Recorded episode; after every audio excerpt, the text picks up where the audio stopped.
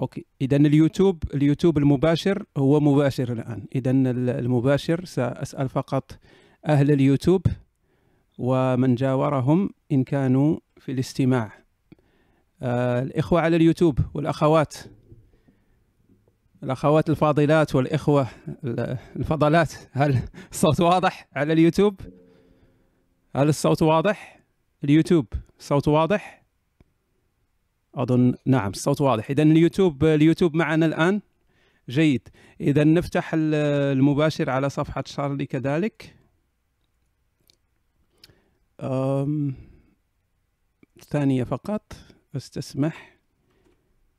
نأخذ المفتاح المباشر من هنا ونضعه هنا.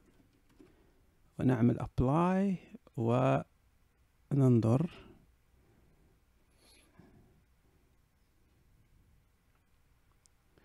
ضر.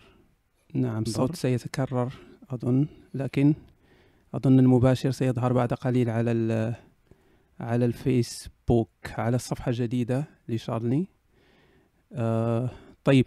آه الإخوة على البالتوك أو على اليوتيوب من عنده آه من هو الآن على الفيسبوك يتأكد فقط إن كان طيب. آه أوكي.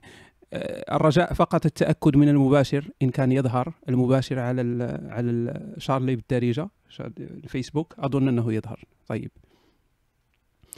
جميل. اذا آه، كما قلنا نبدأ على بركة آه، وبركات هوبل سبحانه وتعالى. اليوم معنا لقاء خاص مع الأستاذ حامد عبد الصمد. أنا مسرور جدا يعني سعادة غامرة. لأنني من أكبر المشجعين لحامد عبد الصمد والمتابعين وهذا شرف وفخر كبير لي أنا شخصيا وأظن لكثير من الإخوة والأخوات أن الأستاذ حامد عبد الصمد لبى الدعوة وهو معنا اليوم. فالأستاذ حامد عبد الصمد أظن أنه غني عن التعريف لا نحتاج تعريفا. لكن لي آه لمن لم يسمع بحامد عبد الصمد وسيكون هذا إعجاز. فنسأل الأستاذ حامد عبد الصمد أن يعطينا تعريفا نبدأ ولو بسيطة من هو حامد عبد الصمد؟ أهلا بكم طبعا واهلا بكل المستمعين. كفارا كانوا أو ملاحدة أم مسلمين أم عقلانيين أم لا دينيين. إن هي إلا أسماء سميتموها أنتم وأباؤكم ما أنزل الله بها من سلطان يعني, يعني. أنا كاتب بفكر. و عايش بين العوالم يعني يعني بين أوروبا وآسيا والولايات المتحدة وبلف حوالين الدنيا وبفكر وبكتب كتب وبنشرها.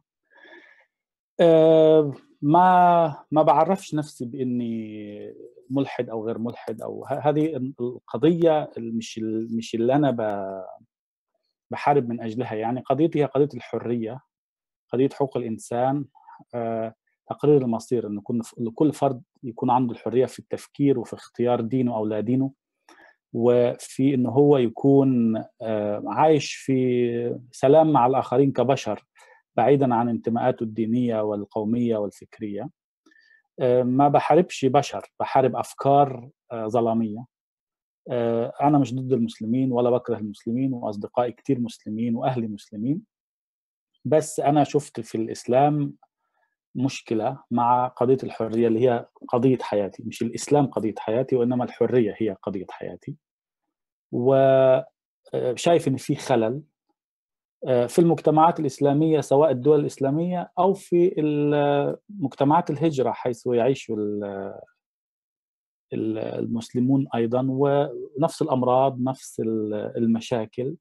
في المراقبة وثقافه الخوف والتخويف التربية على أساس التخويف احتقار المرأة تخبئة المرأة هضم حقوقها. كل نفس المشاكل بدل ما الإنسان بيطلع برا ويعيش في أوروبا أو في الغرب ويصير إنه يعني ينفتح على العالم ويتعلم منهم لا بيزيد الانغلاق أكثر والتجهم والكراهية أكثر فكتبي بما إن الحرية هي موضوع حياتي فأنا بكتب عن أعداء الحرية وأنا شايف أن الدين الإسلامي بالصورة التي يعرض بها نفسه على العالم منطقه السياسي منطقه التشريعي هو عدو للحرية.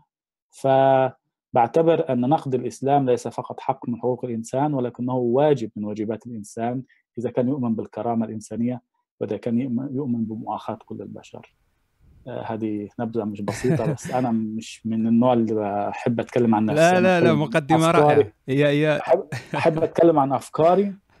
آه، فهي تعبر عني أكثر بقى ما أقول لك أنا اتولدت فين وعشت فين. طبعا من أصل مصري يمكن الإخوة اللي حيسمعوني حيسمعوا هذا الشيء حيلاحظوه يعني. إحنا كنا نظن مغربي لذلك دعوناك يعني. أنت كنت تظنني مغربي ما ما كاينش نحكيو بالدارجة المغربية. آه الأستاذ الصمد على فكرة هو يفهم الدارجة المغربية يعني ممكن ان نحول ممكن احول أي وقت يعني إحنا حتى نتحول عن لغة أهل الجنة المفروض نروح على لغة أهل النار يعني. صح صح. واحدة من من الدارجات المغربية أو أو المصرية أو اللبنانية هم دول لغة أهل النار. يعني بعبارة أخرى عزيزي حامد أنا هي مقدمة رائعة فعلا وأنا أظن أنك أوتيت جوامع الكلم.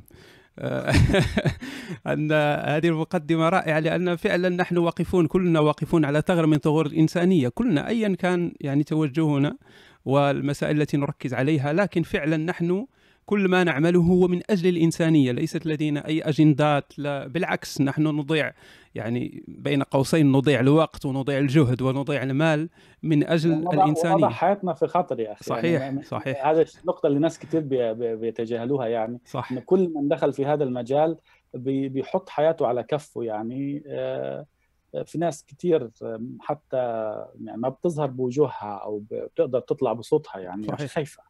فمأساة. صحيح. عزيزي حامد أنا ربما أعد نفسي من المحظوظين. أنني أفهم اللغة الألمانية فأنا من المتابعين لكل مداخلاتك على التلفزة الألمانية سواء التلفزة السويسرية أو النمساوية أو الألمانية وكذلك المقالات التي تكتبها بالألمانية. أي مداخلات عندك أنا أتابعها على اليوتيوب. وللأسف الذي لا يفهم الألمانية لن يتمتع بالطريقة الرائعة. أنا يعني هذه ليست مجاملة لكن فعلا طريقة رائعة ولبقة في التعامل مع الصحافة الألمانية مع الإعلام الألماني وكيف تود يعني تتعامل مع المواضيع الشائكة. نحن نعرف الشعب الألماني صعب يعني التعامل معه آه، بطريقتنا التي نحن اعتدنا عليها. يجب أن تكون دبلوماسيا لكن يجب أن تضع النقط على الحروف. نعم. فعزيزي حامد لو آه، تعطينا نبذة آه، طبعا أنت كاتب كتبت كتب كثيرة فلو تعطينا نبذة على الكتب التي كتبت آه، على على فحوى الكتب يعني مضمون هذه الكتب. أول كتاب صدر لي كان صدر في مصر سنة 2008 رواية بالعربية اسمها وداعا أيتها السماء. رواية بتحكي عن تجربة الهجرة والحياة بين مصر وألمانيا واليابان حاسس ان أنا كمان درست وعشت باليابان.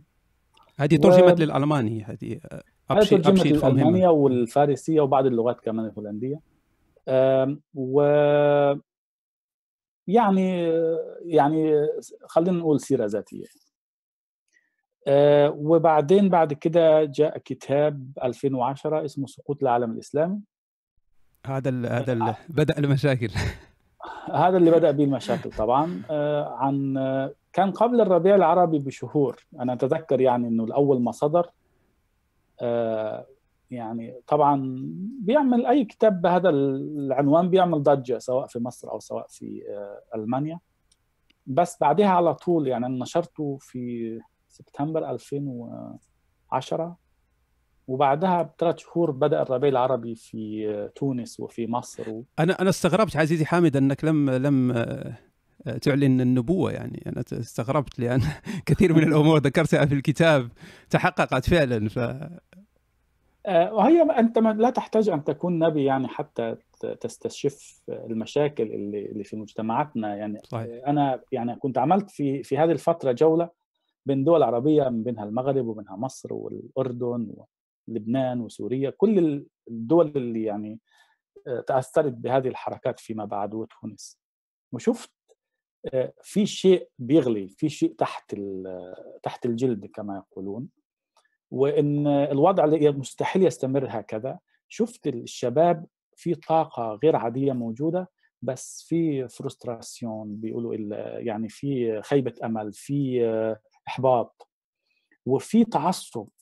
في ناس تترك الدين يعني يخرجون من دين الله أفواجا والناس متشبثين بدين الله بكل تعصب. فقلت ده مش يعني الانفجار قادم يعني. وأضف إلى ذلك طبعا الوضع الاقتصادي والديموغرافي.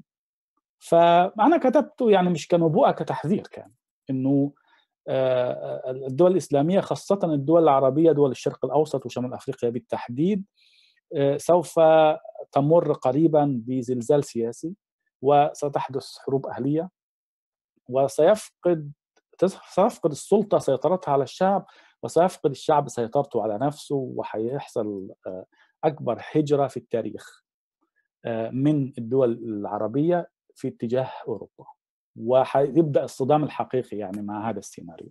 فأنا لما كتبت الكتاب في البداية يعني لقى اهتمام لمدة شهرين وبعدين اجى الربيع العربي فقال الخبراء اللي إحنا عارفينهم طبعا إن محمد عبد الصمد لا يفقه أي شيء. واضح إنه نسي ان إن في قوة ديمقراطية قوية في هذه البلدان والآن كله يتجه نحو الديمقراطية وبن علي هرب ومبارك سقط و الثورة بدأت في سوريا وبدأت في ليبيا استبشروا خيرا. أنا أنا طبعا أول واحد خرجت وقلت أنا أول واحد يتمنى إن نبوءتي ما تتحققش لأن أنا أعشق هذه البلدان وأحبها وبكتب هذا النقد مش تشفيا فيها أو كراهية وإنما لأني شايف إن فيه في مصيبة يعني قادمة علينا وأنا شم شامم ريحتها شامم ريحتها لأني أعرف هذه المجتمعات. وانت لما بتترك هذه المجتمعات وتعيش برا بعدين ترجع تاني فبتشوف بوضوح الخلل فين؟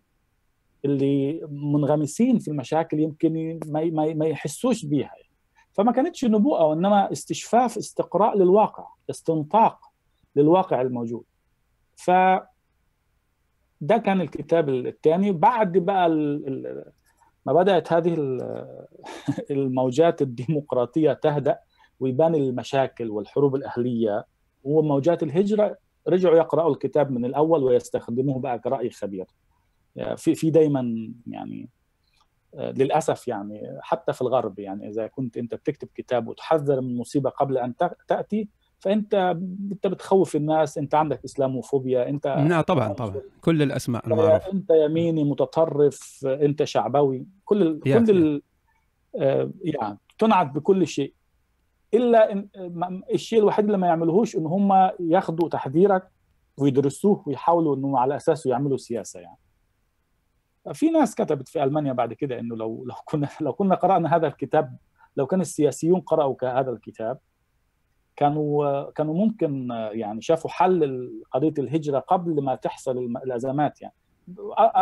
اؤكد لك قرأوها يعني. الكتاب كان على نعم لا الكتاب كان كان طبعا اشتهر جدا و حتى يقولون best seller يعني في كثير من ال... آه قرأوا مقروء قرأوا السياسيين كمان بس دايما يعني ال... أنت تصير خبير إمتى؟ لما لما المصيبة تحصل. لما يتحقق نعم. لما تحقق المصيبة وتتحك... تتكلم عنها بأثر رجعي تبقى أنت صرت خبير. لكن لو تكلمت عن المصيبة قبل ذلك فأنت شعبوي واسلاموفوبي و... قبل أن تكمل قبل أن تكمل عزيزي حامد أريد أن أرجع معك إلى نقطة هامة ذكرتها وهو أنك عندما تحذر من الأمور التي ستحدث في العالم الإسلامي وتتوقع انها ستحدث هذا من باب الحب لهذه الأوطان والحب للإنسانية للإنسان في هذه الأوطان، أنت تحذر من هذه من هذه المسألة وانتقادك للإسلام أنا متأكد أن انتقاد الإنسان والنقد الديني هو ليس ليس أننا نحن ضد المسلم لكن نحاول نريد الخير لهذا المسلم. إحنا نحاول إحنا قبل ما نبدأ معكم الحلقة كان المفروض إنك هتبثها على صفحتكم اللي هي شارلي بالدرجة. نعم. وأغلقوها لكم يعني يعني عايزين يسدوا الأبواب يعني أي حد بينتقد. وهذا طبعا قنواتي على اليوتيوب وعلى الفيسبوك يعني في هجوم متواصل ضدها أنا أنا أعيش نفس الشيء تماما دائما نعم. بلاغات ودائما حذف لفيديوهات و...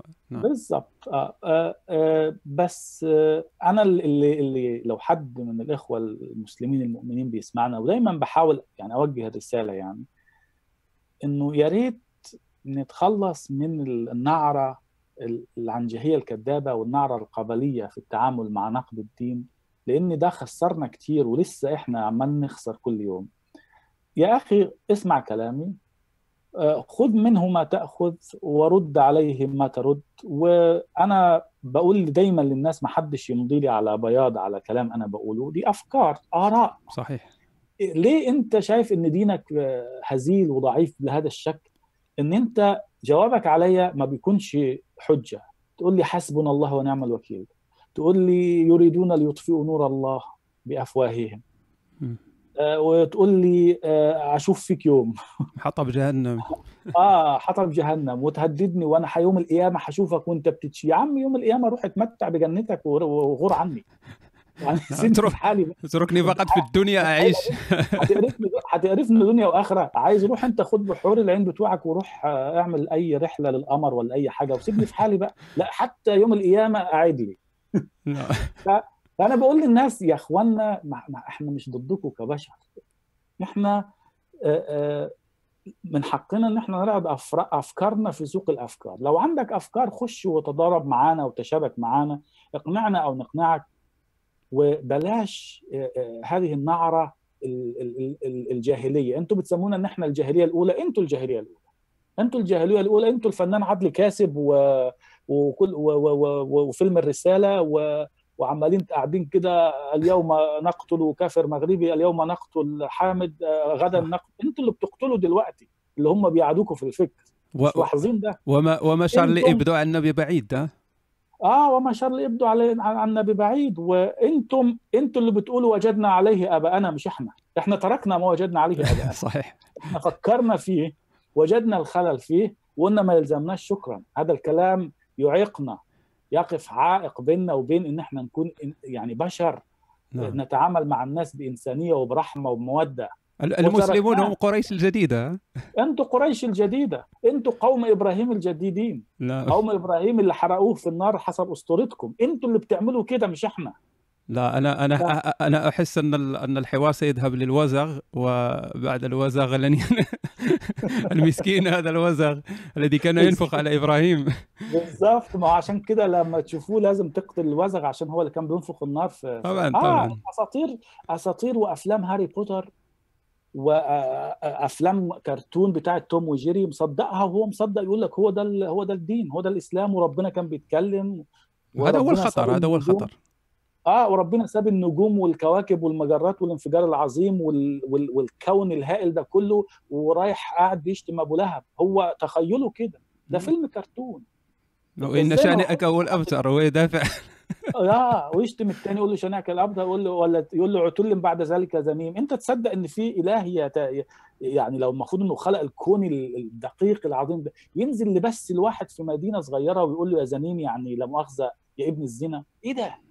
نعم. يعني ده فكر أنت في منطقة ويجي يقول لي أنا بعد كل ده أفلا يتفكرون؟ ما المشكلة إن إحنا تفكرنا. أفلا يتدبرون القرآن؟ المشكلة إن إحنا تدبرنا القرآن. نعم. هي المصيبة في كده.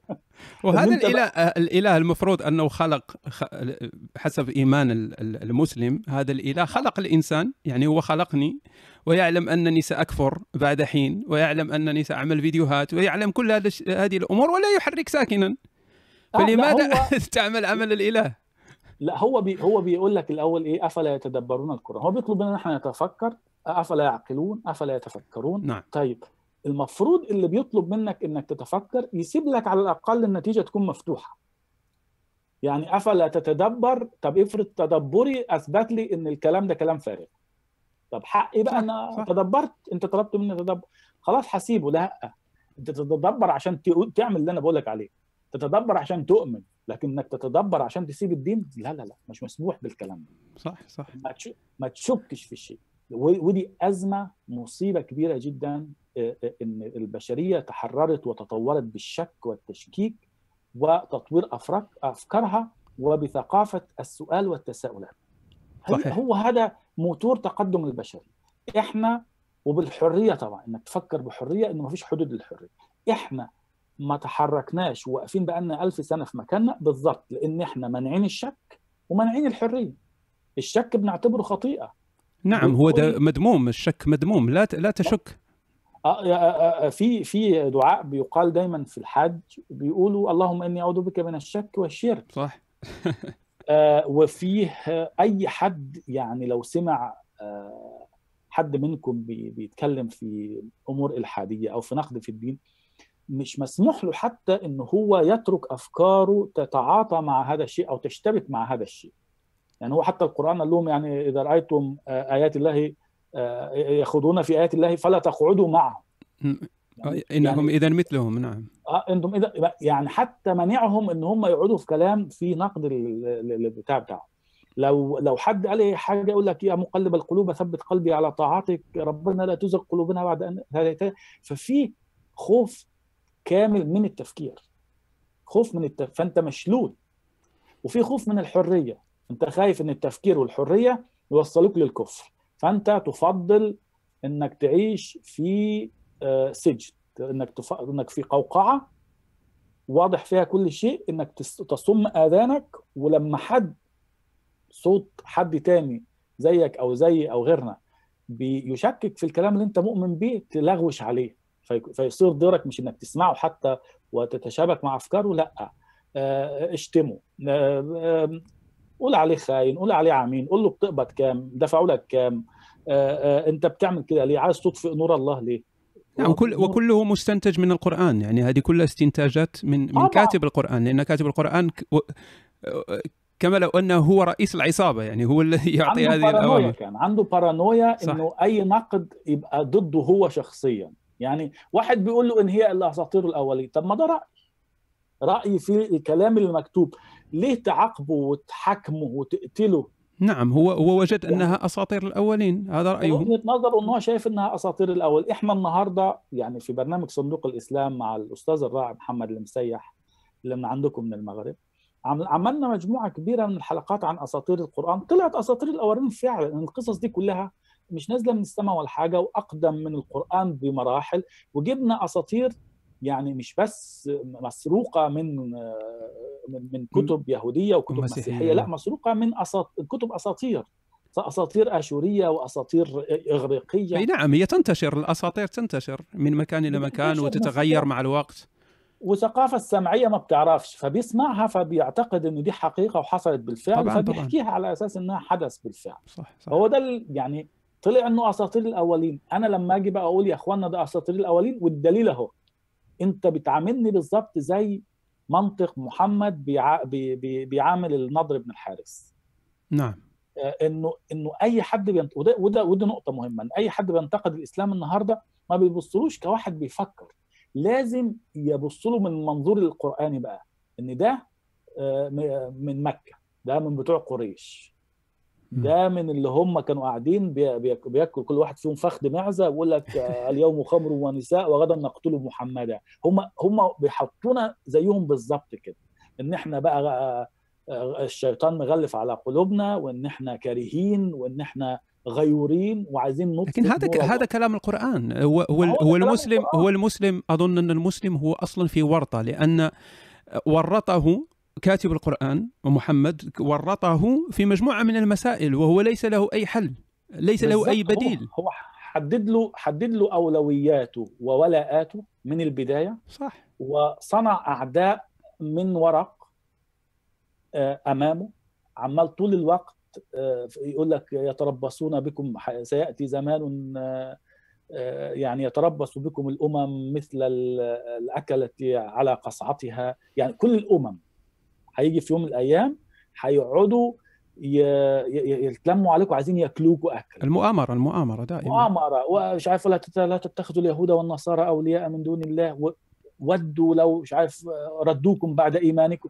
كل كل الأمثلة دي إحنا إحنا هنردكم بعد إيمانكم كافرين. أنتوا بس حلوا عننا ها وسيبونا نعيش حياة في حرية. وخلاص وإحنا مش عايزين منكم حاجة.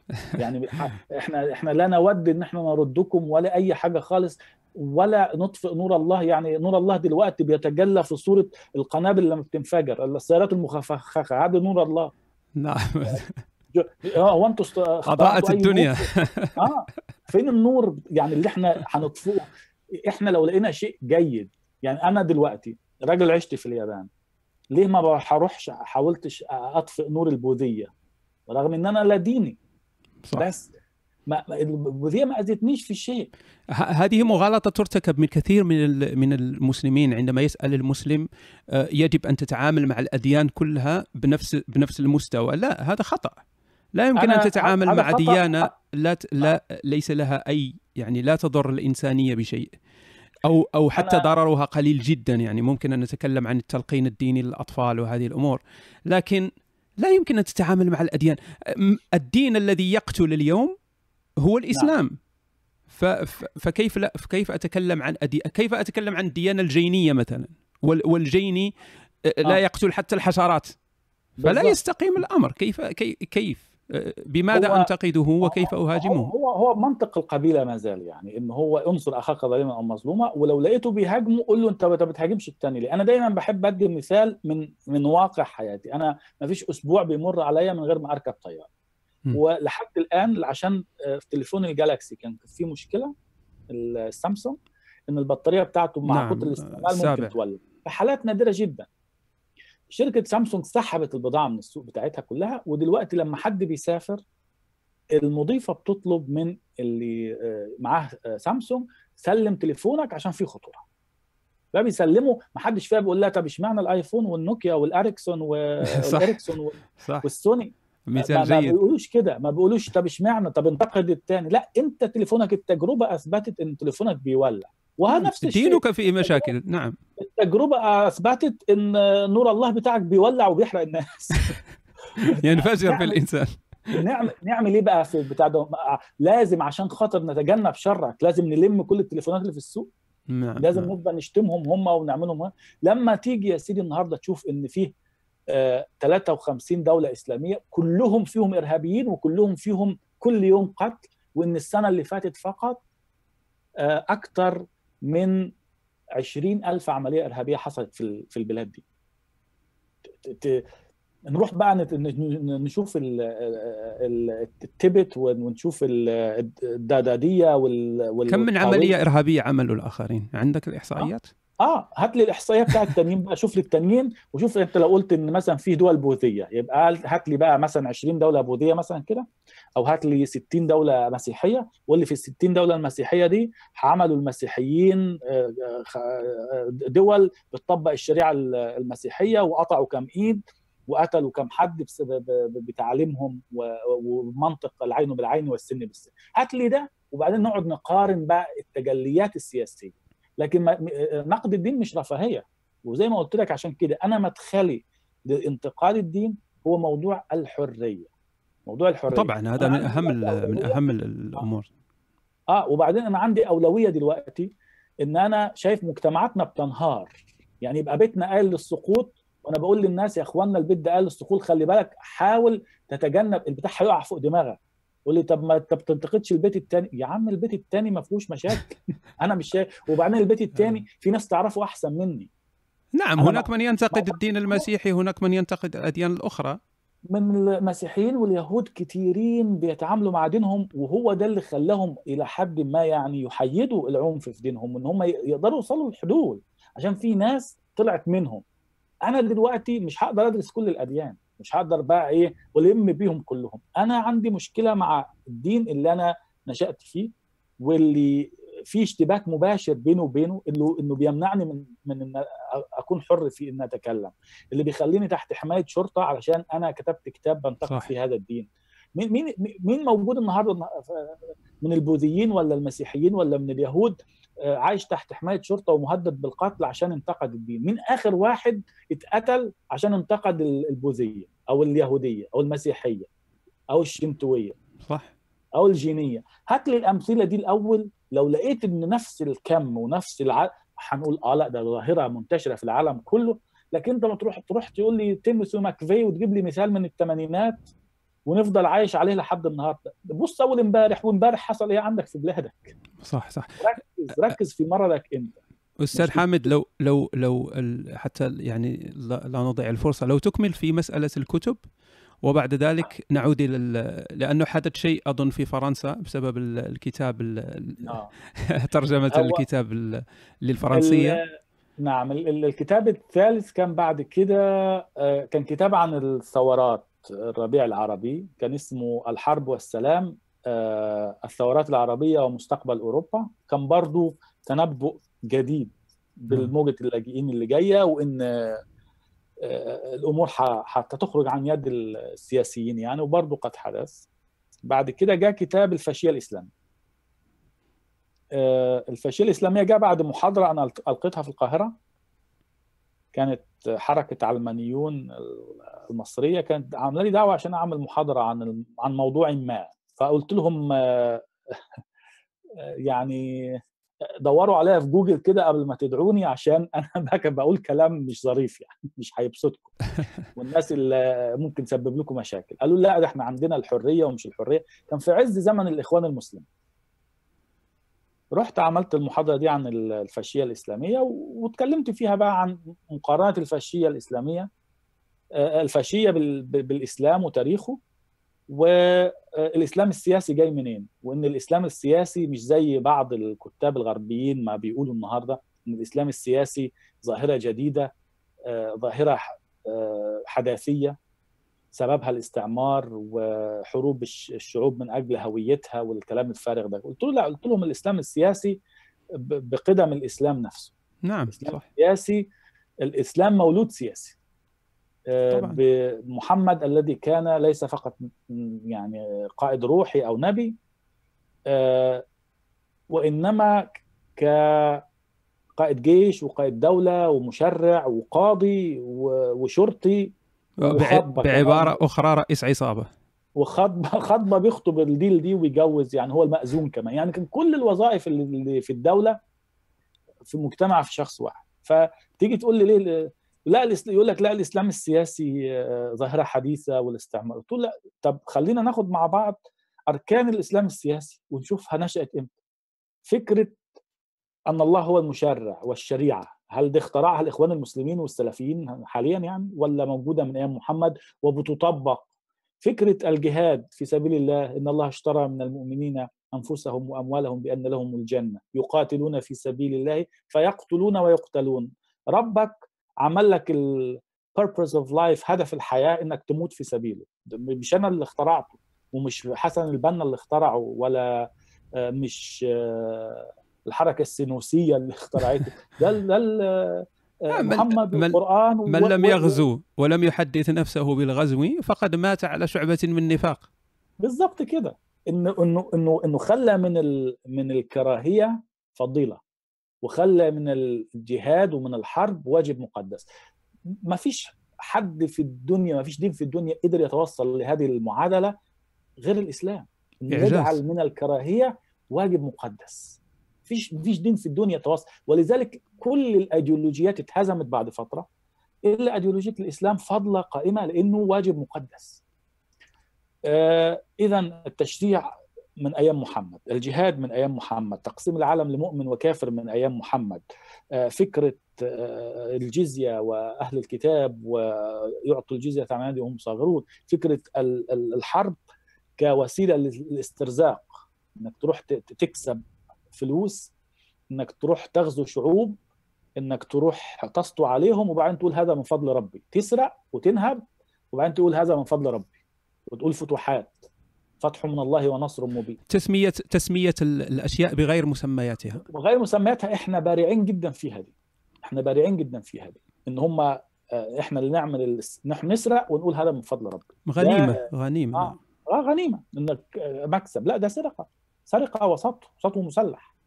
فمين اللي اخترع هذا الشيء؟ يقول لك لا ده الإسلام السياسي ظاهرة حديثة. لا الإسلام السياسي بيتلون بتلون عصره.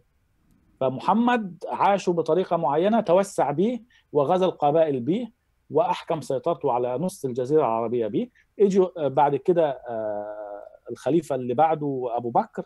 لما العرب بعد محمد ما مات وهم ابتدوا ينسلخوا من الإسلام عشان خ... ده نصهم داخل خوف ونصهم داخل طمع في الغنائم طبعا طبعا. مفيش مفيش قبائل يعني الإخوة المسلمين مش قادرين يقتنعوا إن مفيش حد بيخش الإسلام قبيلة واحدة كلهم مرة واحدة. الإيمان وعدم الإيمان ده ما إحنا مرينا بالحاجات دي إزاي الواحد يسيب الإيمان؟ إزاي؟ ده ده ده process مرهق ومتعب جدا.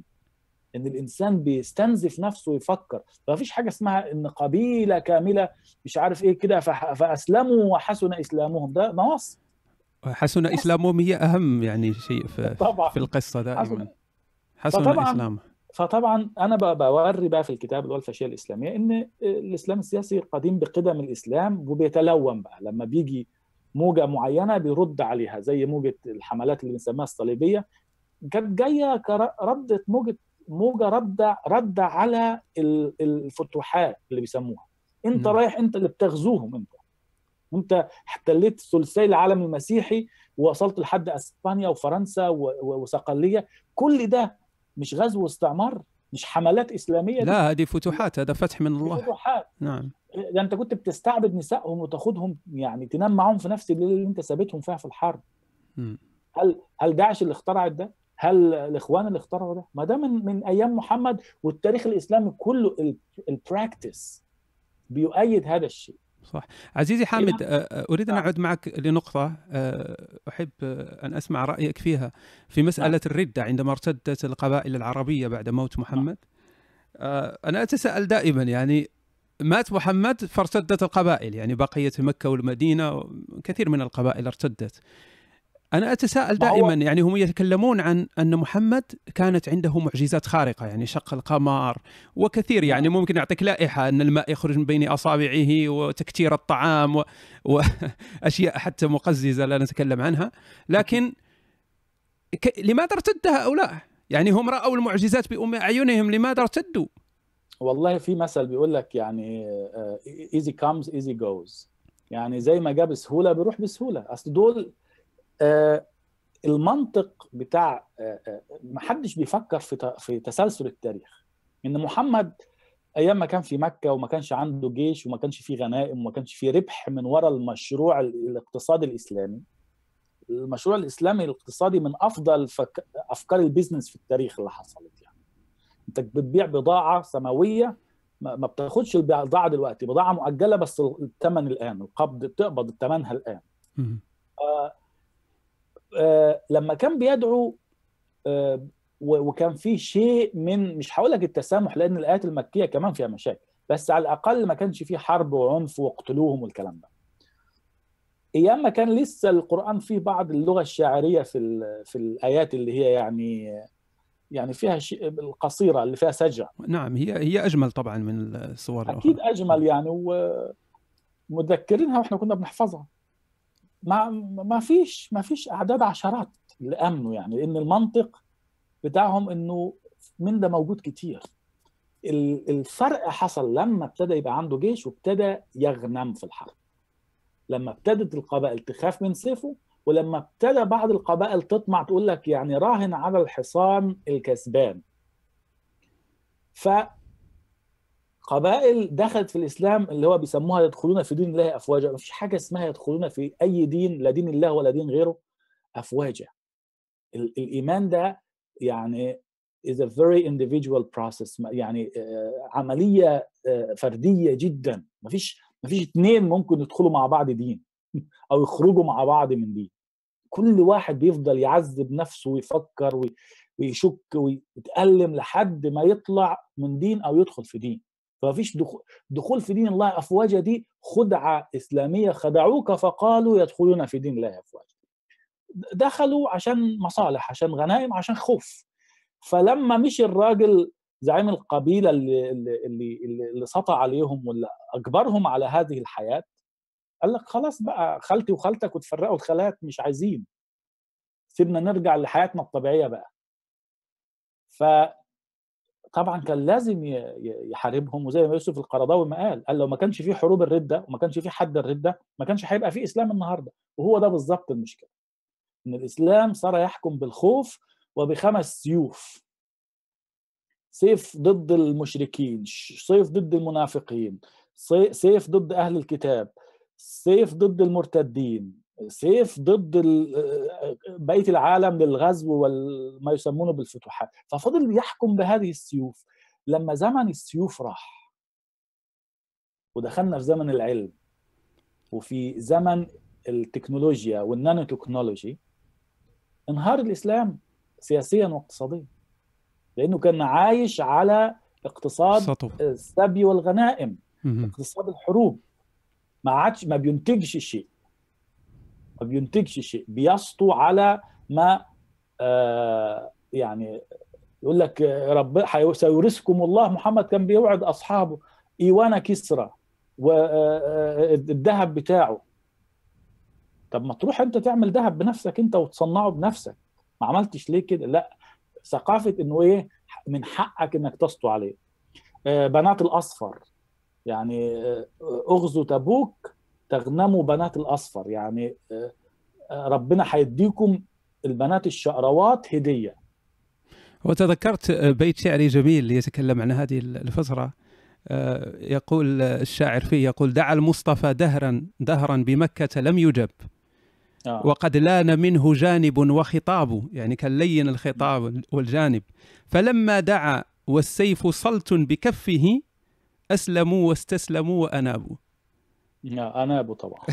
أهم حاجة أنابوا لأنهم في في البداية في مكة يعني 13 سنة 13 سنة كم كم آمن من الناس؟ يعني أقل من 100 آه. وبعد بعد أن في, في, في غزوة تبوك بعد أن هاجر وبعد أن بدأ السطو على القوافل والغزوات ثلاثين ألف.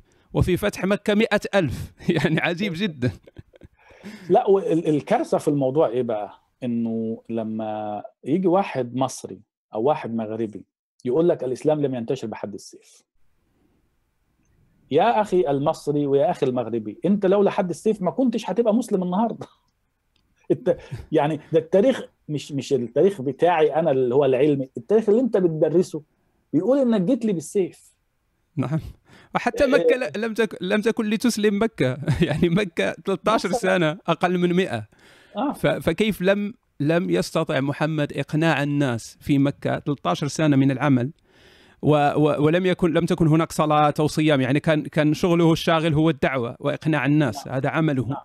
فلماذا لم يسلم الناس؟ شوف التحالف اللي حصل بين التحالف اللي حصل بين آه يعني كان في مجموعات جهادية يعني بسيطة كده في أفغانستان. ما كانتش بتلعب دور كبير وما ما كانش لها وزن.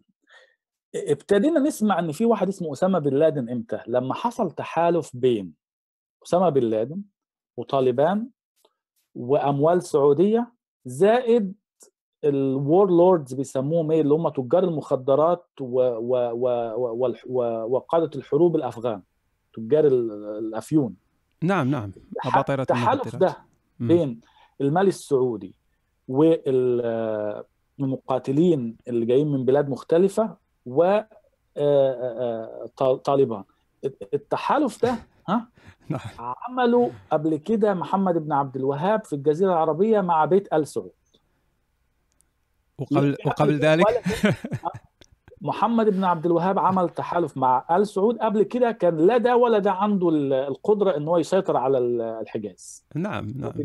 لكن لما تيجي الأيديولوجية مع المال اللي بيدعمها. والمقاتلين والمقاتلين أحسنت. بتحصل التركيبة دي. نفس اللي حصل بالظبط مع بين أسامة بن لادن وتجار المخدرات في أفغانستان حصل بين محمد بن عبد الوهاب وبين آل سعود وحصل بين محمد بن عبد الله والأوس والخزرج والصعلي. صحيح. وكأنك انت تتكلم عن أسامة بن لادن وكأنك تتكلم عن يثرب. آه. هو اللي حصل بالضبط إن هذا إن هذا التحالف هو اللي خلى لمحمد هيبة بعد ما كانوا بيستهزئوا بيه ابتدوا بقى ي... آه لا ده الراجل معاه جيش واخ كريم وابن اخ كريم.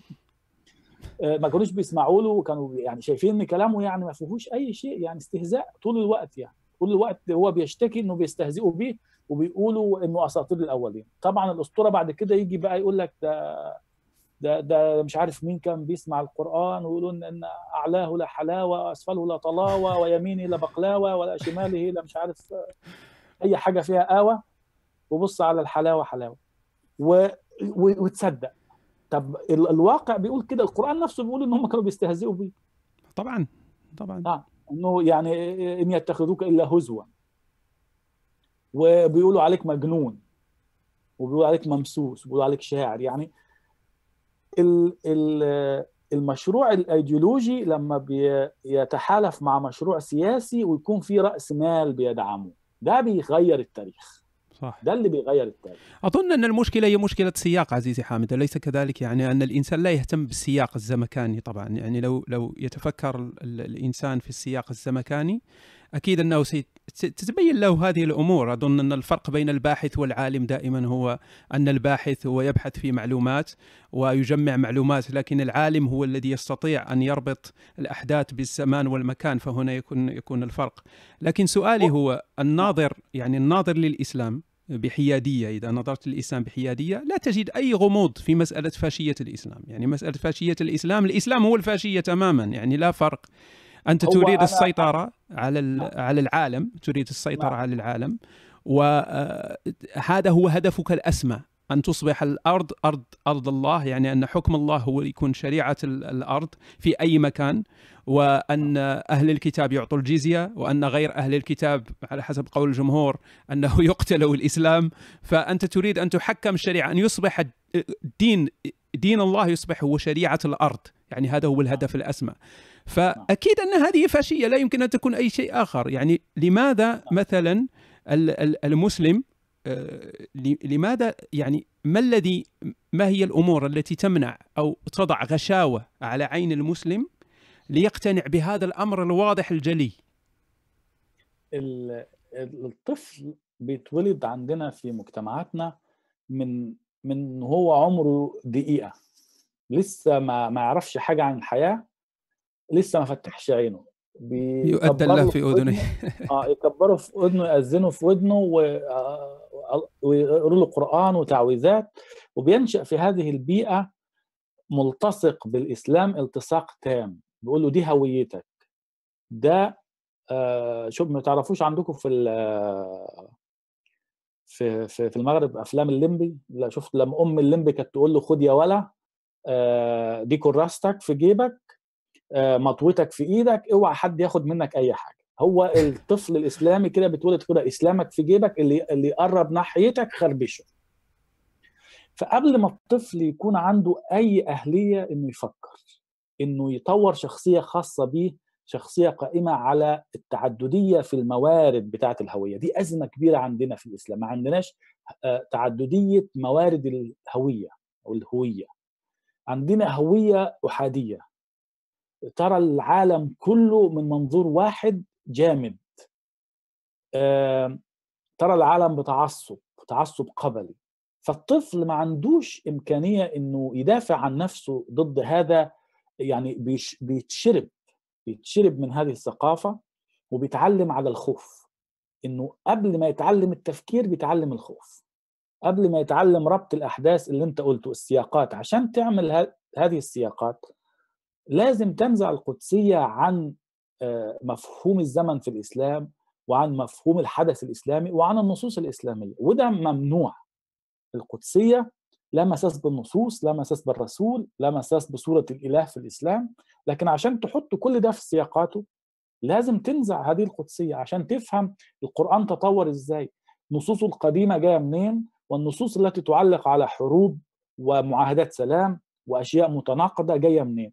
لو اعتبرت القرآن كتاب بشري هتفهم تطوره جدا ويمكن تعتبره كتاب جيد ك يعني دوكيومنتاسيون أو بيسموها يعني توثيق لفتره آه، تاريخية معينة بناء مجتمع بدائي على أي أسس. هتفهم ده وهتحط الكتاب كوثيقة تاريخية كويسة إنك تعرف الجزيرة العربية الناس كانوا عايشين فيها إزاي وبيشرعوا إزاي ونظرتهم للمرأة إزاي. لكن لا يمكن ابدا تخطر على بالك لولا القدسية لولا الفرضية الأولى اللي دمرت كل شيء إن ده من عند ربنا وكان ربنا واخد محمد ورا غار حراء وبيوشوشه وبيقول له آه كذا وكذا وكذا واعمل كذا واشتم أبو لهب واضربوا الستات واقتلوا الكافرين واضربوا فوق الأعناق وربنا كان معاكم في الحرب وبيحارب معاكم. إيه يعني أفلام هاري بوتر. مش مش مش أظن المشكلة هي هي القدسية طبعا لأنك القدسية. لا تستطيع البحث والتمحيص ووضع الأمور في سياقها وتحليلها تحليل آه، عقلاني. لا تستطيع آه. فعل هذا الأمر إلا إذا نزعت القدسية لأنك إذا كانت عندك قدسية فأنت وضعت الاستنتاج قبل البحث. بالضبط. وهي المشكلة بقى إنك إنك تضع الاستنتاج قبل البحث زي كثيرين من الباحثين المسلمين اللي قبل ما يبحث في تاريخ الإسلام هو عايز يبرر ويبرئ الإسلام ويجمل صورة الإسلام فنتيجة البحث جاهزة. عايز الأدوات بقى يظبطها على نتيجة بحثه لكن دي مش منهجية علمية. هو بيرجع لموضوع السياق إمتى بقى؟ لو عايز يدافع.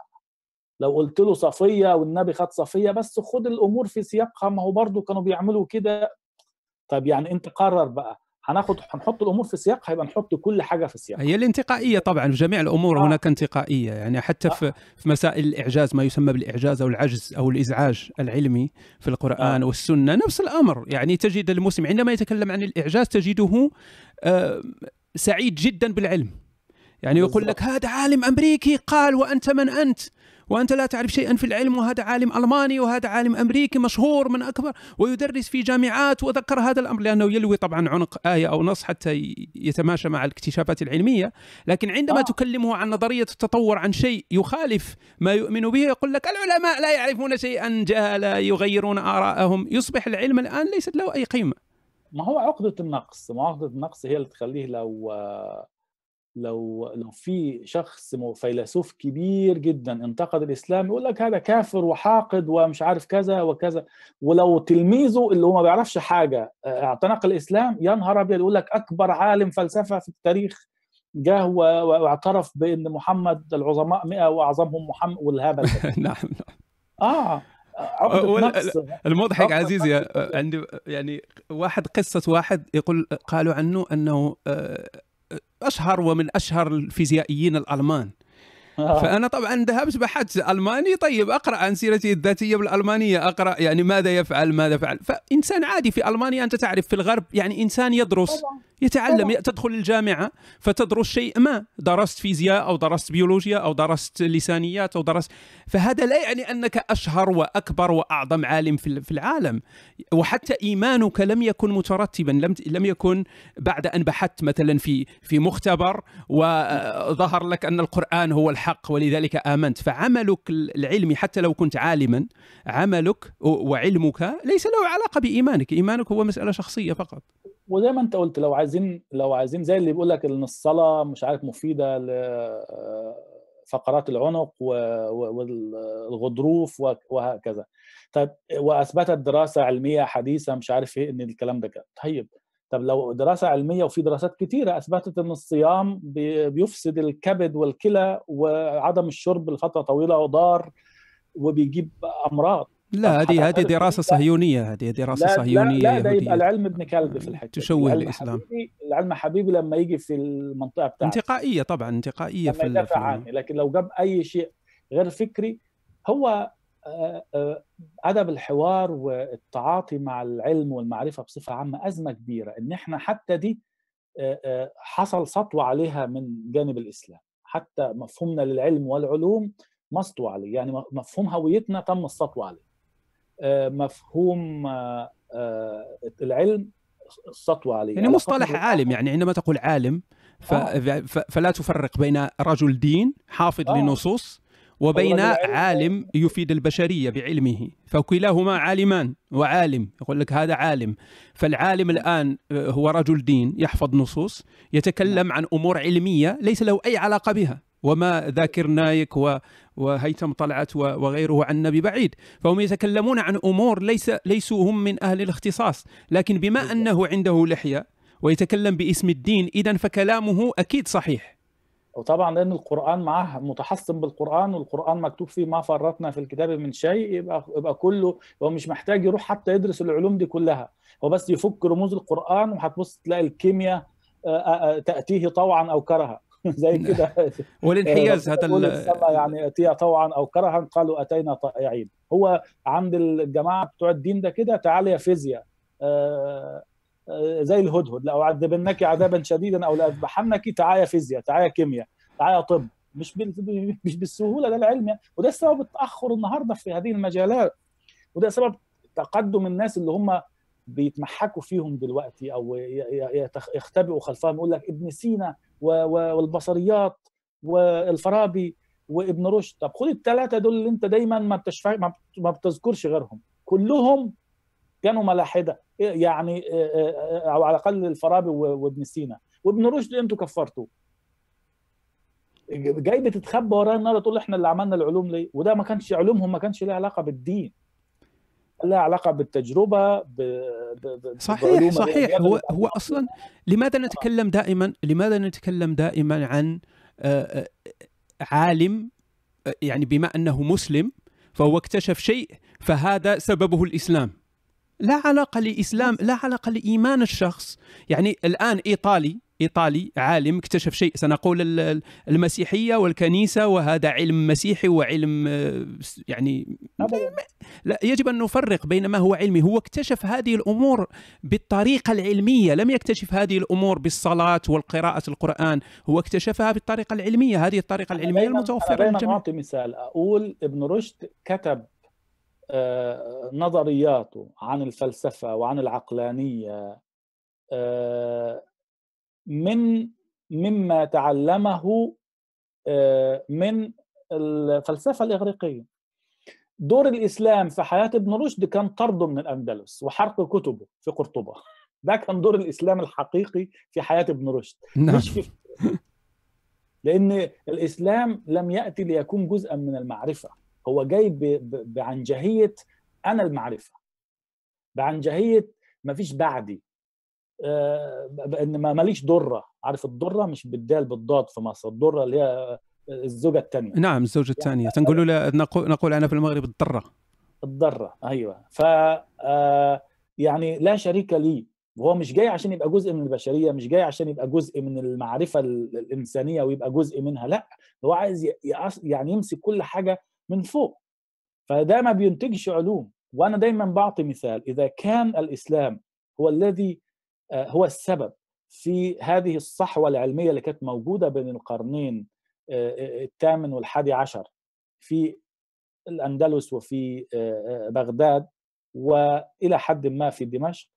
لو كان الإسلام هو السبب فعلا في هذه الطفرة العلمية كانت مكة والمدينة هم اللي صاروا مدن علمية وهم اللي كانوا فيهم أحسن جامعات للفلسفة والطب لكن عمرهم ما كانوا مدن للعلم. وأنا سمعت يعني تبرير تبرير لهذه المسألة سمعت من واحد مسلم هو تبرير فعلا مضحك قال أن مكة والمدينة هي هي صحراء يعني لا يمكن أن تبني فيها معمار لا يمكن أن تكون فيها حضارة هي فقط رمال. يعني يجب على الإسلام أن يخرج من الرمال ويذهب إلى مكان أفضل مثلا في الأندلس وأوروبا ثم يبني حضارة. وكأن الفراعنة وكأن كل الحضارات التي ظهرت يعني في في في في مناطق صحراوية هذه رب أحسن من من أحسن من المسلمين. حديك مثال حديث مثال يفسد هذه النظرية وحيزعل ناس كتير مننا يعني بس خلينا إحنا ما مش مشكلة. فلسطين كان كلها رمال قبل الإسرائيليين ما يبنوا دولتها فيه. إيه اللي حصل بعد كده؟ كان كلها رمال. ليه الرمال دي ما عاقتش إن إسرائيل تبني دولة حديثة دولة تكنولوجيا؟ إحنا كل واحد فينا النهارده في بيته حاجة من صنع إسرائيل شاء أم أبى. داخل الآيفون أو داخل اللابتوب بتاعه. صحيح.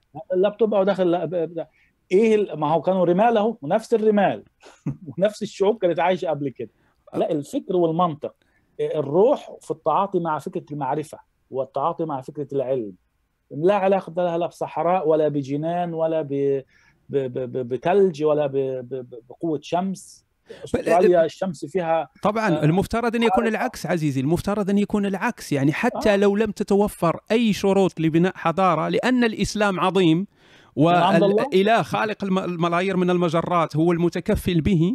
يجب أن تكون أقدم أعظم وأكبر حضارة في في الإنسانية عرفتها الإنسانية في مكة والمدينة.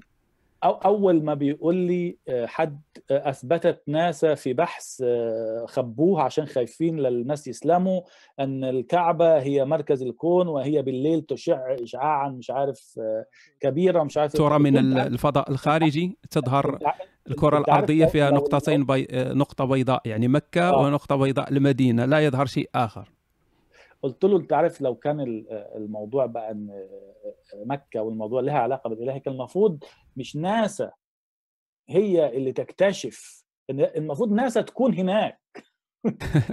أنت تنتج ناسا.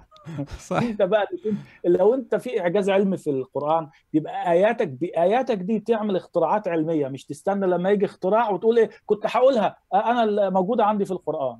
عامل. زي التلميذ الخايب اللي في المدرسة. صح. اللي هو الأستاذ سأله البتاعة دي بتتعمل إزاي؟ قال له ما أعرفش. فجاء زميله قال له كذا كذا. قال له كنت هقولها ده أنا حتى في صفحة عندي اهي كان فيها حرف الفه وهو الإجابة فيها كلمة فه حرف الفه. هو ده المنطق بتاع الإعجاز العلمي. طبعا طبعا. طب خلي ناسا اعمل ناسا وكانت تبقى هي المفروض تبقى في مكة مش أنت تيجي تحتفل إن ناسا الكفار بيثبتوا حاجة يعني يدللوك كده ويقولوا إن دينك والله في حاجة كويسة ومكة بتنور. لكن عزيزي حامد أنت أنت الآن حاقد على الإسلام وأهله لأنك تعرف أن العالم كله يتآمر على الإسلام وأهله فهي مؤامرة. لذلك المسلمون الآن في الحضيض مستضعفون. لماذا؟ لأن تكالبت عليهم الأمم. تكالبت عليهم الأمم. والله مؤامرة. المسلمين هم المتكالبين على نفسهم وعلى الأمم. هو مين اللي بيتكالب على الأمم دلوقتي؟ مين اللي بيهاجر ويروح يقرف الناس في بيوتهم وفي بلادهم اللي كانت آمنة وينشر فيها الإرهاب؟ مين اللي بيتكالب على الأمم؟ هم بيجوا يهاجروا لبلادنا؟ هم بيجوا آه، إحنا بننافسهم أصلا في أي حاجة عشان خاطر يتكالبوا علينا؟ هم بيحاولوا إن هم يعملوا مصالحهم وبيستخدمونا كسوق أسواق نعم سوق سوق لي إحنا أيام ما كان عندنا القوة ما كناش بنروح نبيع بضايعنا عندهم. كنا بنروح نسلب نسلب بيوتهم ونسائهم ونبيعهم عبيد. هو ده الفرق. طبعا. في إحنا اللي كنا بنتكلم على الأمم ونسرق خيراتها ونقول هذا من فضل ربي. هم بيحاولوا إن هم يتجنبوا شرورنا من ناحية ومن ناحية تانية إن هم يستغلونا كانعام بتاكل وبتستهلك وبتسوق مرسيدس من غير ما تنتجه وتشتري آيفون وتشتري جالاكسي. هو إحنا بالنسبة لهم مش أكتر من كده وشوية أبار بترول ما بذلناش فيهم مجهود بيحاولوا إن هم ياخدوهم بالسعر المناسب ليهم. إحنا ما نفرضش السعر عليهم. هو ده كل القصة أنا أنا كنت سمعت سمعت هل الصين بتتكلم علينا؟ هل اليابان بتتكلم علينا؟ أنا سمعت مقارنة؟ عزيزي حامد أنا سمعت مقارنة هي فعلا طريفة أن السؤال هو إن لم يبقى هناك أي بلد إسلامي الآن انتهى الإسلام يعني لا يوجد أي مسلم ولا يوجد ماذا اي ماذا؟ سيحدث للعالم أكيد أن العالم سيكون أفضل أكيد لكن لو كان العكس ماذا سيحدث؟ لو بقي المسلم لا لا كانت هناك حرب أهلية ولا قاتل السنة الشيعة و... و... و... ولم يتحقق أي أي تطور علمي لا شيء يعني بد- بدون إذا إذا كان الإسلام الذي سيطبق والشريعة الإسلامية ستكون مطبقة مثل طالبان يعني حلم المسلم هو ماذا؟ حلم المسلم الآن هو ماذا؟ هو أن تطبق الشريعة الإسلامية وهو يعتقد أن بتطبيق الشريعة الإسلامية سنصبح ال- ال- الأوائل في العالم ستصبح عندنا ناصة إسلامية بمجرد تطبيق الشريعة سيرسل الله ملائكة هم الذين سيعملون الخطط للصعود لل- للكواكب هم الملائكة سيعملون عندنا يعني سي- سيرسلهم الله يعني ليس بالسيوف الآن سيرسلهم بال- بالعلم. فهذا حلم المسلم أن سيحدث هذا الأمر فعلا. ما هو أزمة علاقة الإسلام بالغرب؟ هي أزمة الإنسان الساحر في مواجهة الإنسان الصانع. الإنسان الساحر اللي فكره قائم على الفكرة السحرية إن السماء هي اللي هتغدق عليه. إن رحمة ربنا هي اللي هتفتح له كل الطرق.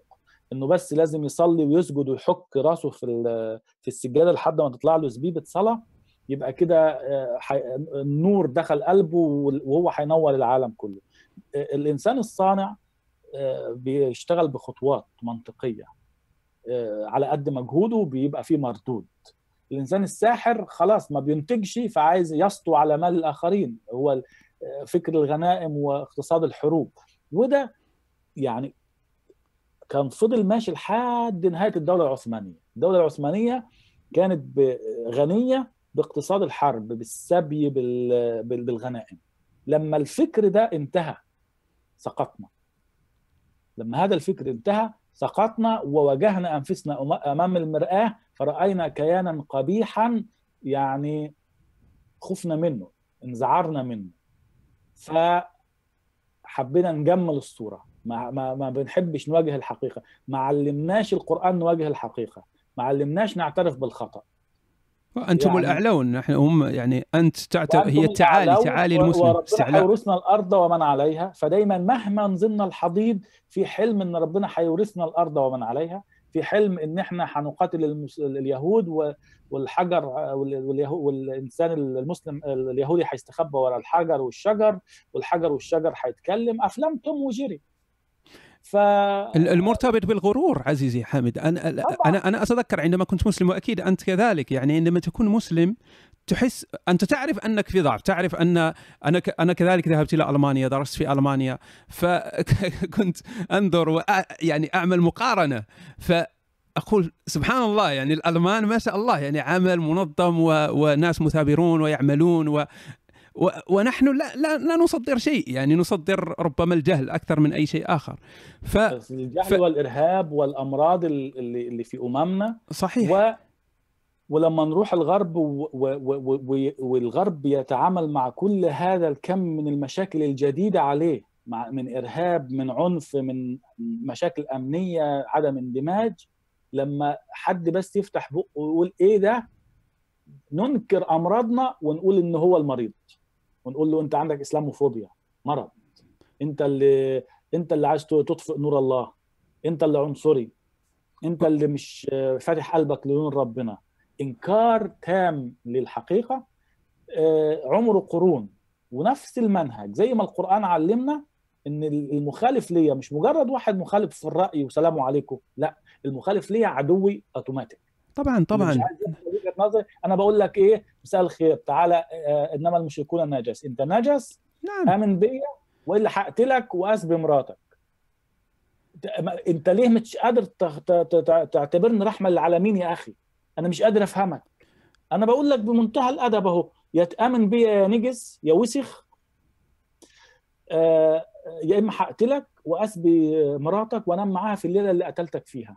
أنت ليه بقى ما أنتش عايز تقتنع إن أنا رحمة للعالمين؟ هو ده المنطق. هو ده المنطق. هو, هو, هو أصلا هي, هي أنا غير السيف ودم بيطرطش. وحرب وجزية عشان خاطر ابقى تبقى رحمة للعالمين. أنا أتذكر في ال...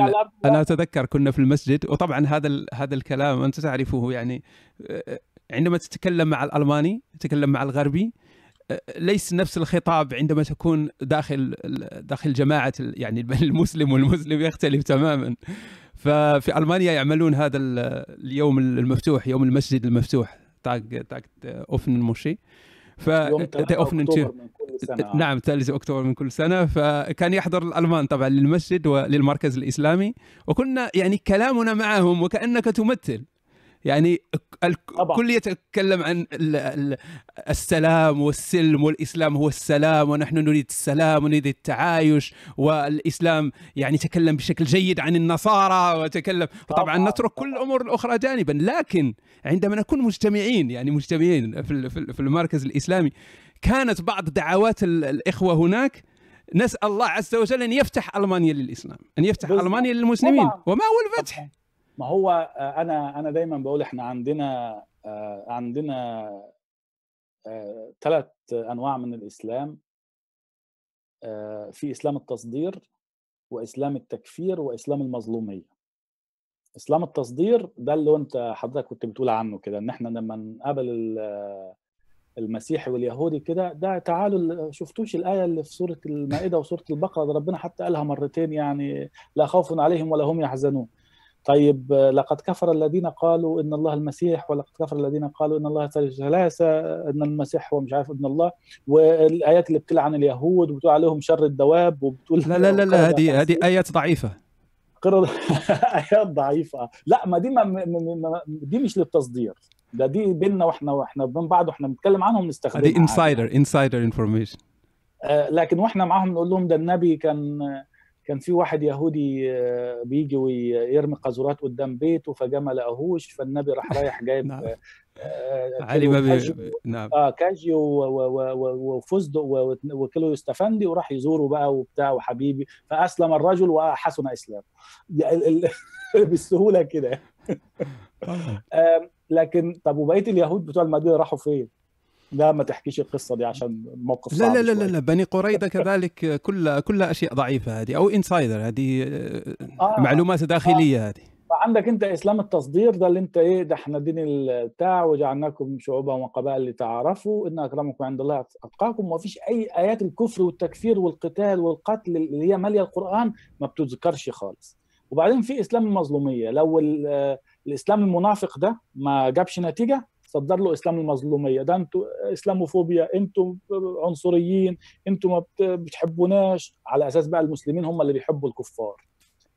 يعني بيقول له أنت نجس وبيقول له أنت هتتحرق في نار جهنم وربنا بيقول لي اقتلوهم حيث ثقفتموهم بس أنا بحبك برضه. بس أنت اللي مش عارف أنت اللي نيتك مش كويس أنت اللي فيك حاجة غلط إسلاموفوبيا. فالمرض اللي فيه زي عندنا مثل مصري كده يقول لك ضربني واشتكى وسبقني ضربني وبكى وسبقني واشتكى. نعم عندنا نفس المثل لا. آه هو اللي يا رمتني بدائها رمتني بدائها وانسلت يعني. آه فهو كده هو فكرة الإسلاموفوبيا جاية من كده بالظبط. روح اشتكي قبل هو ما ما يتكلم عن مشاكلك وإسلام التكفير ده حبيبنا بقى اللي إحنا بإيه بننشره في المساجد واللي إحنا بينا وبين بعض بقى. مش بس الغرب هو اللي بنكفره لا كمان أي حد فينا يبقى عنده ولو فكرة نقدية ما بنسمحلوش. فعايز تتحرك إزاي وتتعايش بسلام مع الأمم إزاي؟ عايز أولادك في أوروبا يكونوا عايشين بدون أزمات هوية إزاي؟ ما أنت لما عمال تشحنهم بده إن دول كفار وإن ربنا هيورثنا ألمانيا وإن المعونات الاقتصادية والإجتماعية اللي بناخدها من الدولة ده حق لينا بدل الجزية. طبعا طبعا. هذا هذا هذه هذه تعتبر غنيمة هذه وفضل من الله. غنيمة حرب نعم. أو أو جزية عشان يعني كده وكده كده الأرض أرض الله والمال مال الله ودول ولاد كلب كده كده هيتحرقوا في نار جهنم. فأصاحبهم إزاي؟ وأنا عارف ان هو الله بيكرههم. أتعامل معهم إزاي؟ وهو بيقول لا تتخذوا اليهود والنصارى أولياء. يعني أنت يا مسلم عمال تبني حواجز وحوائط حوالين أطفالك وأولادك وبعد كده تستغرب إن عندهم أزمات هوية في الغرب وإن هم مش عارفين يتعاملوا بأسلوب صحي. طب ما أنت وعمال تربي ابنك على الخوف أو بنتك على الخوف وعلى خوفهم من جسدهم خوفهم من التفكير خوفهم من الآخر إن كل شيء غير إسلامي حواليهم بتعلمهم البارانويا. فبالطبيعي إن دول ما بينجحوش في المدارس بالطبيعي إن دول ما بيبقاش عندهم وظائف كويسة في الدولة يعيشوا على على الدولة يبتدوا يكرهوا الدولة ويصير في تنشن بس تيجي انت في الآخر وتقول الغرب عشان بيكرهنا عشان مستقصدنا طب انت ما فكرتش انت أفسدت قد إيه تربية أولادك وخليته شخصية مهزوزة ما عندهاش قدرة على اتخاذ قرارات ما عندهاش القدرة على التعامل بأسلوب صحي مع الآخرين كبشر علشان يبقوا مثمرين مع بعض؟ لو انت فتحت له هذا المجال إنه يعيش بحرية وإنه يحترم الآخرين بغض النظر عن دينهم أو لونهم ما هو مش هيبقى عنده أزمة هوية. أزمة الهوية أنت اللي بتصنعها له. انت اللي بتحطه في هذا المأزق ان انت بتبني حواجز كتيرة حواليه وبعد كده تقول الآخرين مش مش متقبلينه. طب هو انت متقبل الآخر؟ هو انت علمته إنه يتقبل الآخر؟ لا هو أصلا يعلمه. يعني أنا عندي أمثلة يعني صارخة في هذا في هذا المجال لأني عاشرت هؤلاء. فهناك من كان يتفنن في خداع الدوائر دوائر الأجانب للحصول على مساعدات أو حصول على مثلا المساعدات الاجتماعية سوسيال هيلفه كانوا كانوا يتفننون في خداع و و يعني يتكلمون عنها ويضحكون ويسخرون كيف أنه خدع طيب أنت عزيزي أنت من المفترض أنك يعني مؤمن ومسلم وملتزم وتصلي وتعبد هذا خالق المجرات فخداعك للكافر ماذا تقول عنه؟ يعني هو بالنسبة له هو في حرب مع مع الكفر. أصلا. إنما الحرب خدعة. والحرب خدعة فهو كذبه وخداعه لهذا الكافر. فكيف تريد أن تتعايش في هذا المجتمع؟ أن تكون مواطن صالح في هذا المجتمع وأطفالك كذلك يكونوا مواطنين صالحين. كيف كيف تريد لهذا الأمر أن يتحقق؟ والله شوف الإسلام بيعلمنا في مجتمعاتنا إن إحنا نبقى منافقين. منافقين مع أجسادنا منافقين مع طبائعنا منافقين وإحنا بنصلي منافقين وإحنا صايمين منافقين في تعاملنا مع المرأة.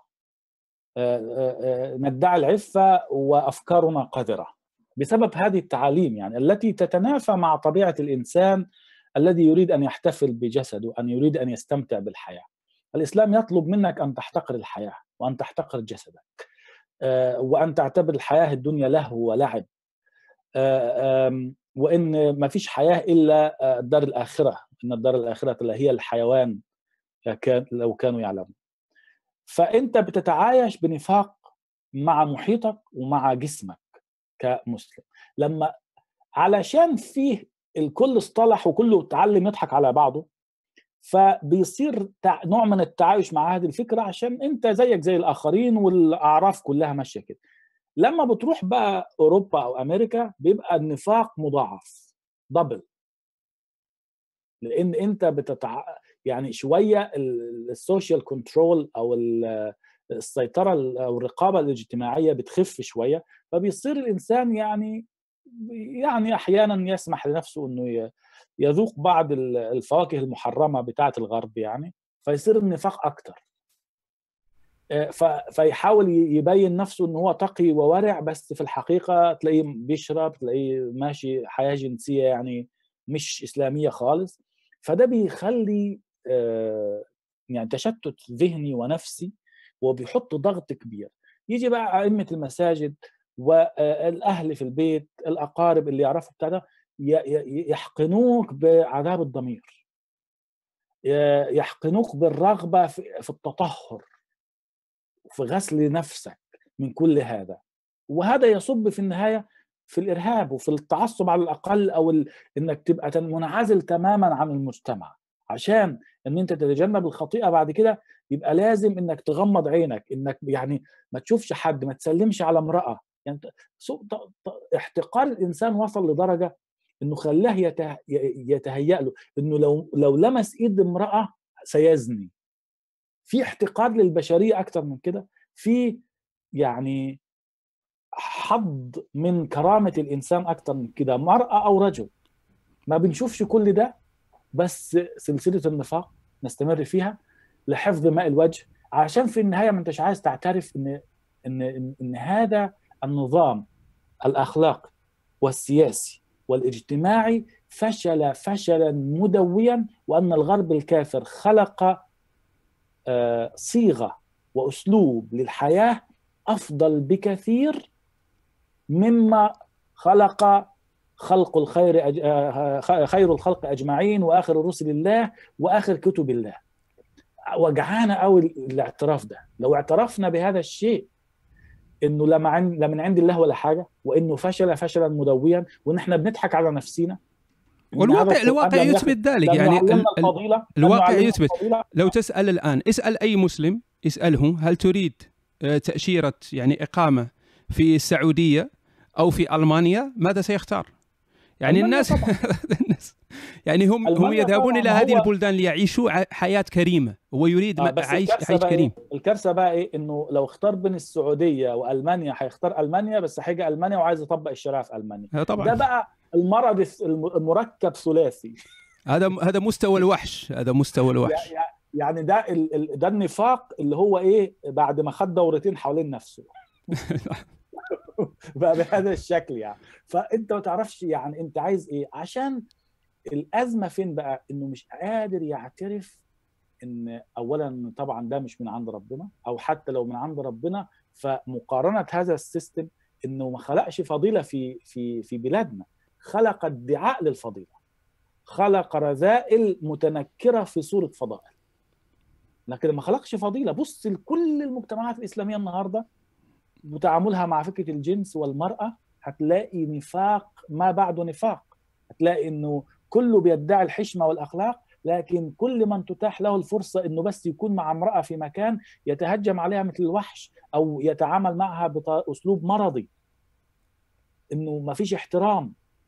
فأنت ما عندكش فضيلة بس مش عايز تعترف. مش عايز تعترف إن آخر يعني دستور إلهي ربنا نزله في الكتاب يفشل وإن الإعلان العالمي لحقوق الإنسان والدساتير الألمانية والفرنسية وغيرها هي اللي اللي بقت يعني قبلة للناس إن هي اللي بيع... اللي بيتعلم الديمقراطية إنه يتعلم منها إن ما حدش بيرجع يقول يا اخوانا إحنا عايزين نشوف نظام ديمقراطي لما اليابان جت تعمل ديمقراطية أو لما أي دول آسيوية يعني تحررت وحبت تعمل ما قالوش بقى تعالوا نقرأ القرآن ونشوف إيه لا لا هذا تدليس هذا تدليس عزيزي حامد يجب أن أوقفك عند حدك أن هذا تدليس. لماذا تدليس؟ لأن كما يعني أثبت ذلك عالم نسيت اسمه قال أن كل الدساتير الموجودة الآن في الغرب يعني كل مواثيق الإنسان كل هذه الأمور مشت يعني مستخرجة من القرآن. فالقرآن هو هو مصدر هذه التشريعات. طبعا جامعة واكاووكو في قارة في القارة السابعة اللي لسه ما لقوش اسمها طبعا. وفعلا يقولون هذا الأمر يقولونه فعلا يقولون أن من مصادر هذه التشريعات الدولية كلها من مصادرها القرآن. هم يقولون هذا الأمر بكل يعني فخر وبكل طبعا, طبعا. طبعا. أنا آه، آه، في في في ألمانيا بالذات يعني أكيد أنت متابع آه، الحوارات اللي بتدور هنا. أنا ما كنتش عارف إنك في إنك إنك من ألمانيا على فكرة يعني. أنا كنت في ألمانيا أنا في كندا الآن. طيب. المهم إن هو كان الحوارات أكيد أنت تابعتها في ألمانيا اللي يقول لك لا تعارض بين الشريعة الإسلامية والدستور الألماني. آه وي وي يا يا. أنا أنا أنا عملتها معاهم في في في مناظرة مرة وعملتها في برنامج صندوق الإسلام في حلقات ستذاع أنا ربما سمعت سمعت هذا هذا اللقاء سمعته. آه فانا فأنا قلت لهم ماشي. الشريعة آه، متمشية مع الدستور الألماني. تعال ناخذ الدستور الألماني مادة مادة ونشوف. المادة الأولى لا مساس بكرامه الإنسان. آه، ال ال ال الإسلام القرآن الشريعة الإسلامية فيها كرامة المسلم ممكن بس حتى المسلم يعني لما تقطع إيده أو لما ت... هذا حسب الشروط الفقهية طبعا حسب الشروط آه. الفقهية. طبعا. لكن الكافر في الإسلام لا كرامة له يبقى مش كرامة الإنسان. ال ال اليهودي والمسيحي آه، والصابئي مواطن درجة آه، ثانية يدفع الجزية عن يد وهو صاغر. ده ده مساس بكرامة الإنسان.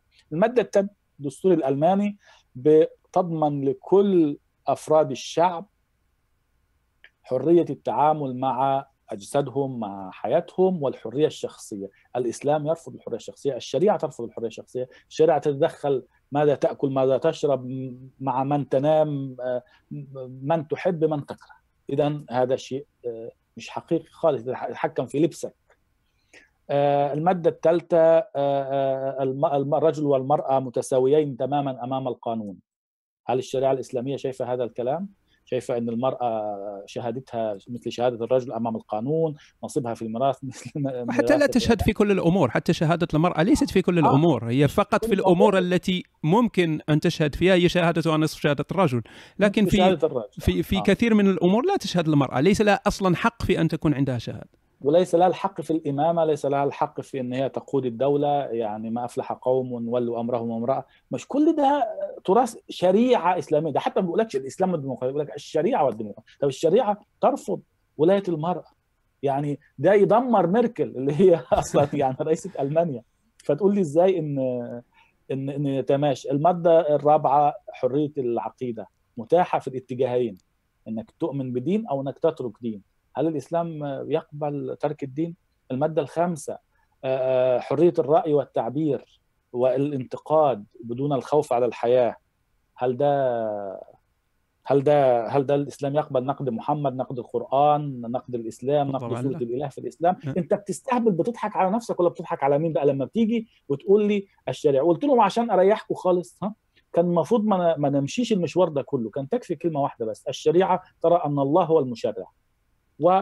والدستور الألماني أو القانون القوانين الحديثة يرى أن الإنسان هو المشرع ويخلق تشريعاته بتوازن بين طوائف الشعب المختلفة مهما كان دينهم أو عرقهم طبعا هو تعارض من من البداية لأن عقد اجتماعي بين بين أفراد المجتمع ما بينزلش منه القوانين من السماء. اذا ففكرة الديمقراطية من الأساس من الأساس فكرة باطلة من الأساس. أنت بتجري وبتضحك على نفسك ليه؟ خليك متسق مع نفسك على الأقل مثل السلفي ومثل الداعشي وقول إن الديمقراطية كفر هصدقك. لكن إنك ت... أو إن أنا مسلم آه، وديمقراطي رغم إن أنا مسلم هصدقك. لكن ما تجيش تقول لي ده, ده الإسلام هو اللي خلاني ديمقراطي. أنت بتبقى بتستهبل وبتضحك على الناس. نفاق مركب. يعني عامل زي اللي بيكذب كذبة وعشان يداريها لازم كذبة تانية وعشان يداريها كذبة ثالثه لحد ما يبتدي يعايش في تل وجبل من الكذبات ومصدقها كلها بيستغرب العالم مش مصدقاني ليه. أليس هذا أخي حامد أليس هذا هو يعني هذا الإسلام أو إسلام المسلمين هذا الإسلام الترقيعي الإسلام يعني محاولة ربط الإسلام بما هو عصري وما هو حديث وما هو متسامح أليس هذا هو وقود اليسار المخصي كما أسميه؟ أنا لي أصدقاء في اليسار بس طبعا بقول لهم نفس الكلام. يعني إنه آه آه أنتوا عمالين بتجروا آه في قضية خاسرة حول مش عارف إصلاح الإسلام والإسلام والحداثة والإسلام والعصر الحديث ووضع الآيات في سياقها. وكل ما تيجي إحنا عامل زي المواسير الميه القديمة. بيجي عليها وقت عمرها الافتراضي بينتهي. عارف مواسير المية التيوبس؟ نعم. بيجي وقت وعمرها الانفرادي الافتراضي بينتهي. فبتبتدي تب... يعني الصدأ بياكل فيها البارومه بتاكل فيها فبتدي تضرب مية بقى بتاعها. ففي ممكن مرة تيجي وتحط شوية كتان أو قطن أو بتاع و... ولازق و... و... وتمشي مرة. وبعد شوية تيجي لكن بعد ما خلاص العمر الافتراضي ينتهي بعشرات السنين بتبقى كارثة لازم تغير المواسير كلها. وإلا مش هتشرب مية صحية المية هتبقى مسممة. لكن مصممين لأ ممكن من الإسلام تطلع ماء زلال تاني عذب. والمواسير دي بس تحط إيه تقفل الثغور اللي بيطلع منها المية دي. ده, ده المواسير بقت عبارة عن يعني ثغور حول ماسورة يعني مش ماسورة فيها ثغرة لأ كلها ثغور فأنت انت بتضحك على نفسك بتتعامل مع مين؟ آآ آآ عايز تصلح إيه ولا إيه ولا إيه ولا إيه؟ ده ده ده صدأ متمكن وسكت أنت عليه كتير. كان ممكن تصلح من القرن التاسع العاشر طبعا طبعا. نعم. لكن كل اللي بدأ كان بينتهي للمقصلة أو للنفي. وما ما ما صد... ما كانش في حركة ممكن إن إحنا نقارنها بحركة التنوير اللي حصلت في أوروبا اللي كان لها قواعد وكان فيها منظرين وكان لها سياسة تعليمية بدأت ومشيت قرون لحد ما وصلت أوروبا إلى ما وصلت إليه. فاليسار اليسار الغربي عنده أزمة كبيرة. اليسار الغربي بيكره بلاده. ما تعرفش يعني عنده عنده عدوانية تجاه فكرة الدولة وتجاه فكرة الشرطة وتجاه فكرة الجيش وتجاه فكرة الدولة المركزية. فهو اليسار حاول إن هو يعني يتحكم في هذه الدول بال بال بال بال بالانتخابات. ابتدى يخسر كتير في في الانتخابات الأخيرة واليسار طول عمره بيدور عن ضحية يدافع عنها. فاليسار أول ما نشأت الفكرة مع كارل ماركس كان بقى فكرة البروليتاريا الطبقة العاملة الكادحة وحقوق الشعب الكادح وهكذا. فدلوقتي في معظم المجتمعات الغربية ما بقاش في حاجة اسمها الطبقة العاملة بقى كله طبقة متوسطة دلوقتي. حتى العمال دخلهم ومكانتهم في المجتمع مش ال مش البلو وركرز يعني انتهت هذه الثقافة خلاص كله بقى بيلبس نظيف ويروح بقى يسمع موسيقى وكونسرت وكله عايز يبقى بورجوا فمش لاقيين الشعب اللي يجري وراهم. فابتدى بعد كده يخترع بقى العالم الثالث ندافع عن العالم الثالث فحبهم في العالم الثالث ده خلاهم يتعاطفوا مع ديكتاتوريين. أي ديكتاتور كده يطلع إيدي أمين موجابي القذافي ياسر عرفات. أي واحد ديكتاتور تعاطف معاه أهم حاجة يكون بس إيه من العالم الثالث برضو العالم الثالث دلوقتي المصطلح ده ما عادش حد بيستخدمه. ففاضلهم مين بقى؟ المهاجرين والمسلمين. تعالى بقى تعالى يا حامد يا حسين يا عادل يا هشام. انت تخرس نهائي. أنا هدافع عنك. انت مظلوم يا ابني وانت ضحية. والناس دول بيتعاملوا معاك مع عنصرية. أنا لو في أوروبا بكتب كتاب أنتقد فيه المسلمين لو في مجموعة من المسلمين وده حصل وانت أكيد وصلك الاخبار من اللي عايشين في أوروبا نفسهم؟ جم وهددوني وبيحاولوا قتلي? اليسار بيبص لهم إن هم ضحاياي مش العكس. هذا هذا هذا هذا وصل بالمشكلة هو هذا. هو أنت هو أنت انت تصبح أنت الجاني ولست الضحية. يتعاطف معاه هو يتعاطف معاه هو يقول لك دي هويته أكيد العنصرية هي اللي وصلته لكده أكيد أزمة الهوية اللي وصلته لكده بس أنا ككاتب وعلى فكرة نقد الأديان وده وده الشيء الغريب اللي أنا مش قادر افهمه إن فكرة نقد الأديان جاية من اليسار من أيام كارل ماركس نعم نعم هم يتفننون في نقد المسيحية مثلا لكن طبعا لكن يعطوا يعطوا المسيحية لكن تنتقد أنت الإسلام يعمل منها أزمة سياسية. نفس الحركة ال feminism النسوية طالعه من اليسار. روزا لوكسمبورغ نعم. نعم نعم وكلارا زيتكن كان من الحزب الاشتراكي الديمقراطي.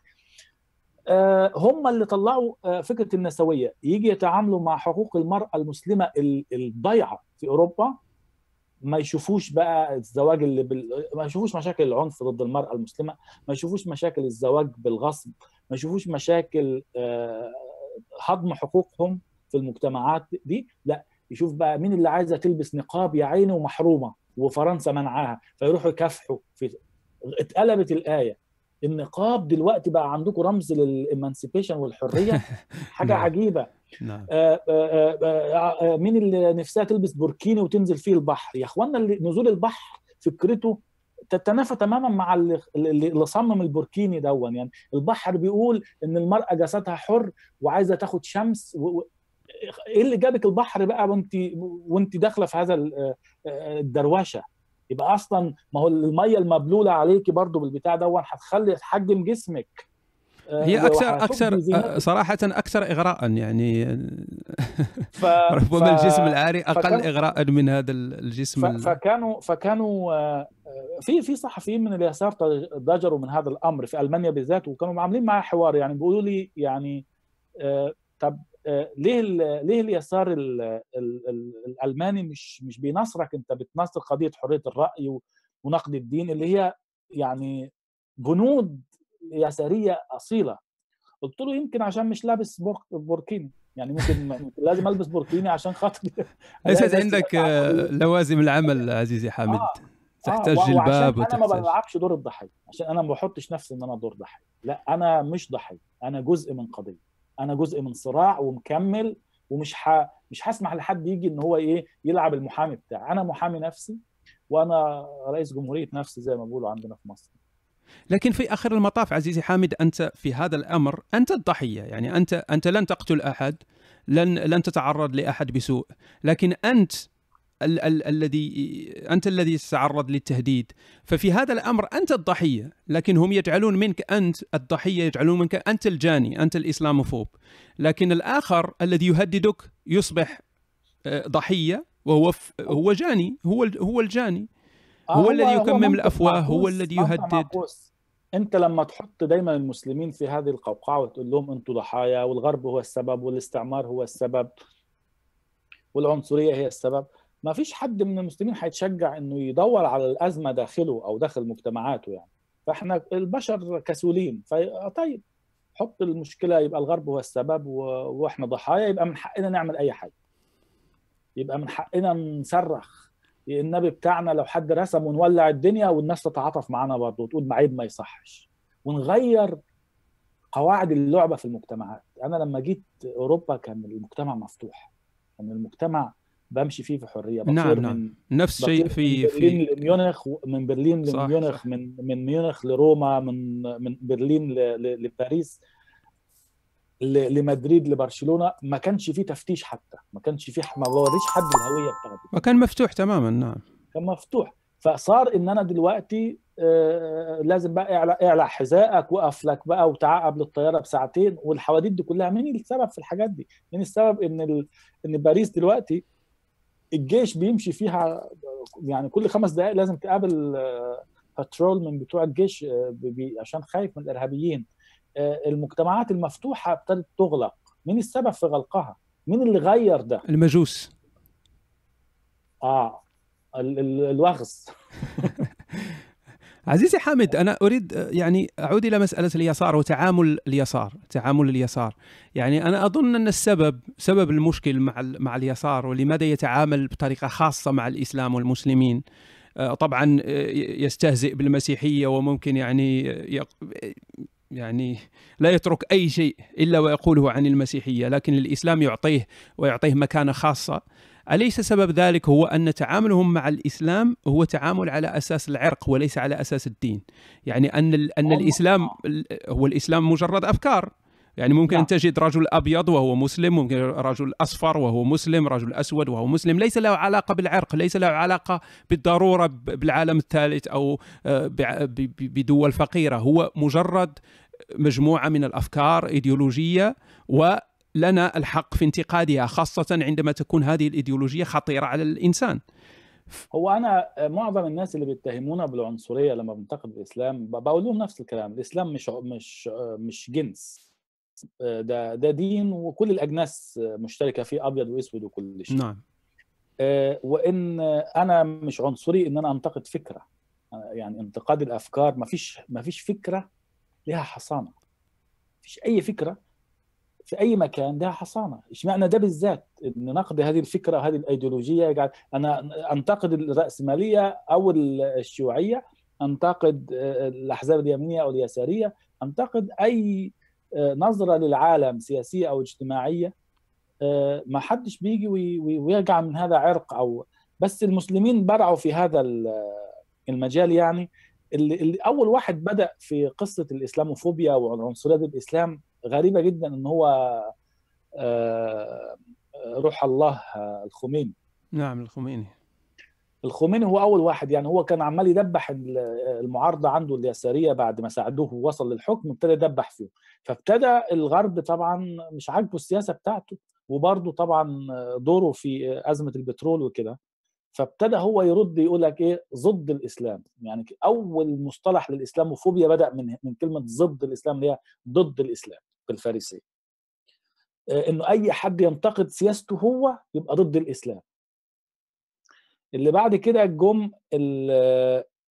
آه، الإخوان المسلمين لما ابتدوا يعملوا منظمات في أوروبا آه، عارفين إن كلمة الإخوان المسلمين سمعتها مش كويسة فابتدوا يسموا أسمائهم حاجات تانية بقى. يسموا نفسه كير يسمي نفسه آه، منظمة الشباب المسلمين في أمريكا. عارف نعم نعم. تجمع مش عارف إيه شباب إيه كده في فيينا وإن هم يديها مصطلحات تانية بس طبعا الإخوان هم اللي ورا كده. فاتعلموا بقى حاجتين. أول حاجة ما تروحش وتقول للناس عايزين نطبق الشريعة وما تقولش إسلام سياسي أصلا. أنت روح قول تعايش آه، حقوق إنسان. روح قول آه، آه، حرية المرأة وتحررها. الحجاب رمز التحرر. شوف قلب الآيات بقى. يعني hijab means empowerment اللي هي ماشية دلوقتي في, في, في أمريكا زي الفيروس. التصور ده الإخوان هم اللي خلقوه. ما تقول لهمش الحجاب عشان الدين لا قول لهم لا ده حجاب يبقى تمكين المرأة. عكس الموازين.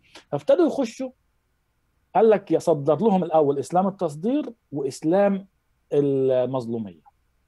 الإخوان دي لعبتهم إنه يروح بإسلام التصدير وإسلام المظلومية. ده إحنا بقى التعايش وإحنا بنحب اليهود وإحنا بنحب المسيحيين وبنحب الدنيا كلها. في في مساجده بقى يعني قمة القذارة في التعامل مع هذه الأشياء زي ما قلنا لكن صدر لهم الاثنين دول. فهو ده اللي خلى إن إيه فكرة العنصرية. لكن أنا بقول لليسار بالذات يعني العنصرية الحقيقية هي العنصرية بتاعتكم أنتم تجاه المسلمين. نعم صحيح. هي معكوسة طبعا. آه عنصرية التوقعات المنخفضة. نعم. ان أنت بتعتبر إن المسلم بطبيعته وتركيبته تحجر عليه. نعم. آه إن أنت عندك وصايه عليه إن هو طفل غير قادر على معرفة مصلحته وغير ق... وأنت ما تقدرش تتوقع منه ما تتوقعه من نفسك. نعم، هو هو أو أهبل. أحيانا مثل الأحمق آه. الاهبل عيل بي... عيل بيحدف الناس بالحجارة ف يعني تتعامل معاه بطريقة مختلفة. تجنب شره. نعم. تجنب شره أحسن يعني. مش هينفع. فقلت له هي دي العنصرية. قلت له أنا بقى اخذ المسلمين مأخذ الجد أنا أحترمهم. والإحترام ليس معناه التغاضي عن أخطاء الآخر الإحترام هو الصدق في النقد والتعامل مع الآخر وأنك تتوقع من الآخر أن يتعامل مع نقدك بعقلانية وبمنطق ويرد بحجج. نعم. طبعا في مسلمين أكيد بيردوا بقى بتهديدات قتل وبيردوا بس للإنصاف في مسلمين بيسمعوا. حتى لو مش موافقين على أفكاري يبتدي يفكر يقول والله مش لازم أخد كل أفكاره. آه، الراجل ده فيه منطق. آه، المشاكل اللي بيتكلم عنها أنا شايفها بعيني وعيشتها لو عندي صدق مع نفسي. فيبتدي يفكر. ياخذ مني ما ياخذ ويترك ما يترك. هو ده اللي أنا بعتبره هذا هو هذا هو الهدف أصلا. آه فين العنصرية في كده بقى؟ يقول لي بس أنت بتقارن الإسلام بالفاشية. قلت له آه، قدمت لك الحجج ولا لأ؟ قدمت له الحجج. قلت له تعالى شوف الإسلام بيقول إيه والفاشية بتقول إيه ولو لقيتش لقيتش فيه أوجه للمقارنة يبقى اللي أنت عايزه. آه، فكرة الاصطفاء كنتم خير أمة أخرجت للناس. النازية شايفة آه، إن هي الجنس الآري هو فوق البشرية. نعم. فكرة القائد الملهم الذي لا يأتيه الباطل من بين يديه ولا من خلفه ولا ينطق عن الهوى وكل اللي بيقوله وحي. في النازية زي الإسلام بالضبط اللي ينتقد القائد هنا واللي ينتقد القائد هنا مصيره إيه؟ هنا الموت وهنا الموت. آه، فكرة القتال كواجب مقدس إنك أنت ما بتقاتلش عشان آه، يعني تعيش لا أنت بتعيش عشان تقاتل. في حد ذاته هدف. الهدف اللي ربنا خلقه عشان النازية والفاشية نفس الفكرة. فكرة المظلومية ونظرية المؤامرة هي هي صورة تبقى الأصل. الخليط بين عقدة النقص وأحلام الفتوة وغزو العالم. فكرة آه، الفيلت هيرشافت عند النازيين السيطره على العالم, العالم. أستاذية العالم بيسموها عندنا في, في الإسلام السياسي. آه، آه، إن أنتم تسودوا البشرية. مين اللي اخترع كل ده؟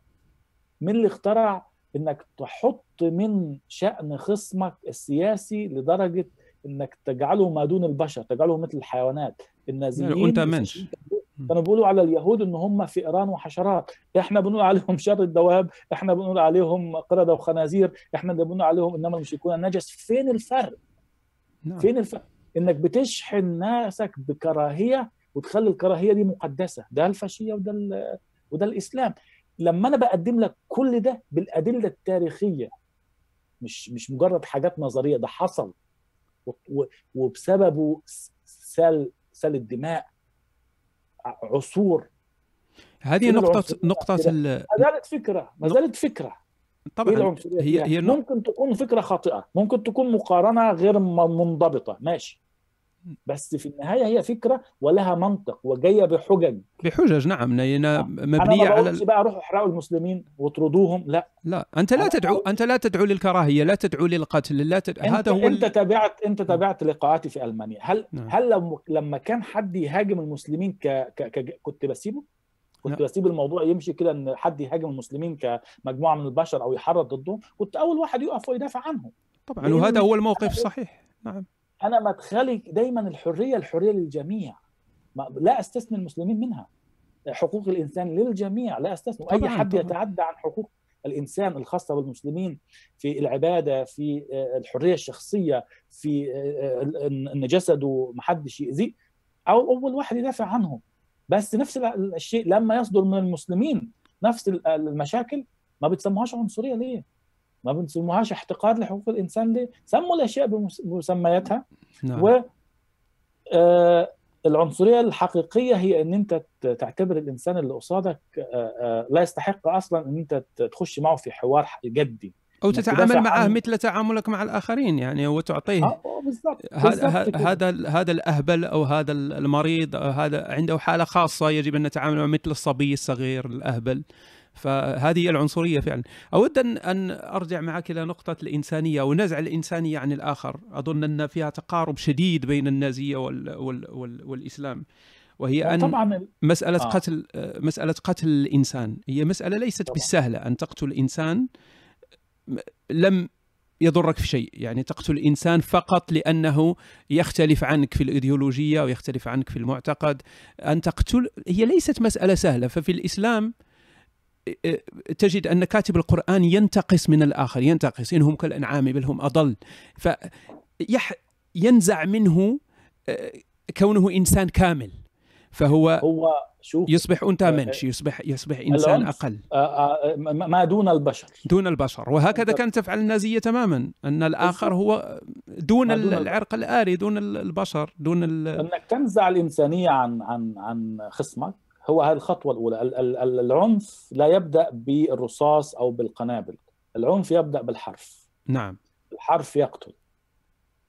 آه، فأنت لما آه، يكون عندك خصومة مع حد ممكن تقول هذا ظالم ممكن تقول هذا جار علي. لكن لما تبتدي تحط من إنسانيته وتعتبره ما دون البشر هذا ما فعلته النازية مع خصومها وهذا ما يفعله الإسلام مع خصومه. كل خصومه يعني يا إما عن يد وهم صاغرون يا إما قرده خنازير خاسئين يا إما المش... إنما المشركون نجس. كلمة خطيرة جدا إنما المشركون نجس. النجس يعني شيء لازم تتجنبه مش بس تتجنبه لازم تتخلص منه. فده بيخلي حاجز العنف يقل. إن أنت الإنسان نعم. بدم نزعت عنه آدميته وإنسانيته يبقى من حقك إنك تسحقه سحقا مثل الحشرات. لما حد بتسميه قردة وخنازير أو أو حيوانات هو أنت بت- أو أنعام هو الأنعام ب- الشيخ الحويني ترجم هذه الكلمة. نعم. هم هم إلا كالأنعام فسرها. قال لك إحنا بنعمل إيه بالأنعام؟ قال بنركبها أو بنذبحها لل... نعم. أو بنسوقها للسوق ونبيعها. من نفس التعامل. نفس التعامل مع الآخر نفس الاقتصاد الإسلامي قائم على هذه الفكرة. إن ده أصلا حيوان. هو ليه داعش؟ بيقول الله أكبر قبل ما يذبح الناس. إحنا مش بنقول نفس الشيء وإحنا بنذبح ال- ال- الخروف أو ال- ال- الكبش بتسموه عندكم في في المغرب ال- حولي. الحولي. آه. نفس الحكاية بيعتبر الآخر مثل الحولي بيذبحه و يعني فداء لله بقى أو ربنا عايز كده. ف ف- فالنظرة للإنسان عند الفاشية وعند الإسلام هي نفس النظرة إنه ما د- ما- من لم يعتنق مذهبك فلا حق له في الوجود. ودي ودي هو التطهير أظ- أظن التطهير العرقي يحتاج إلى هذا الأساس. يعني أساس قبل أن أي قبل أي تطهير. عرقي يجب أن تنزع الإنسانية من الآخر لأن صعب أن تقنع الناس آه، بقتل جماعة أخرى هكذا يعني دون أي اللي سبب. حصل اللي حصل في ال genocide المروع المجزرة اللي حصلت في حق الأرمن. من الارمينيه نعم.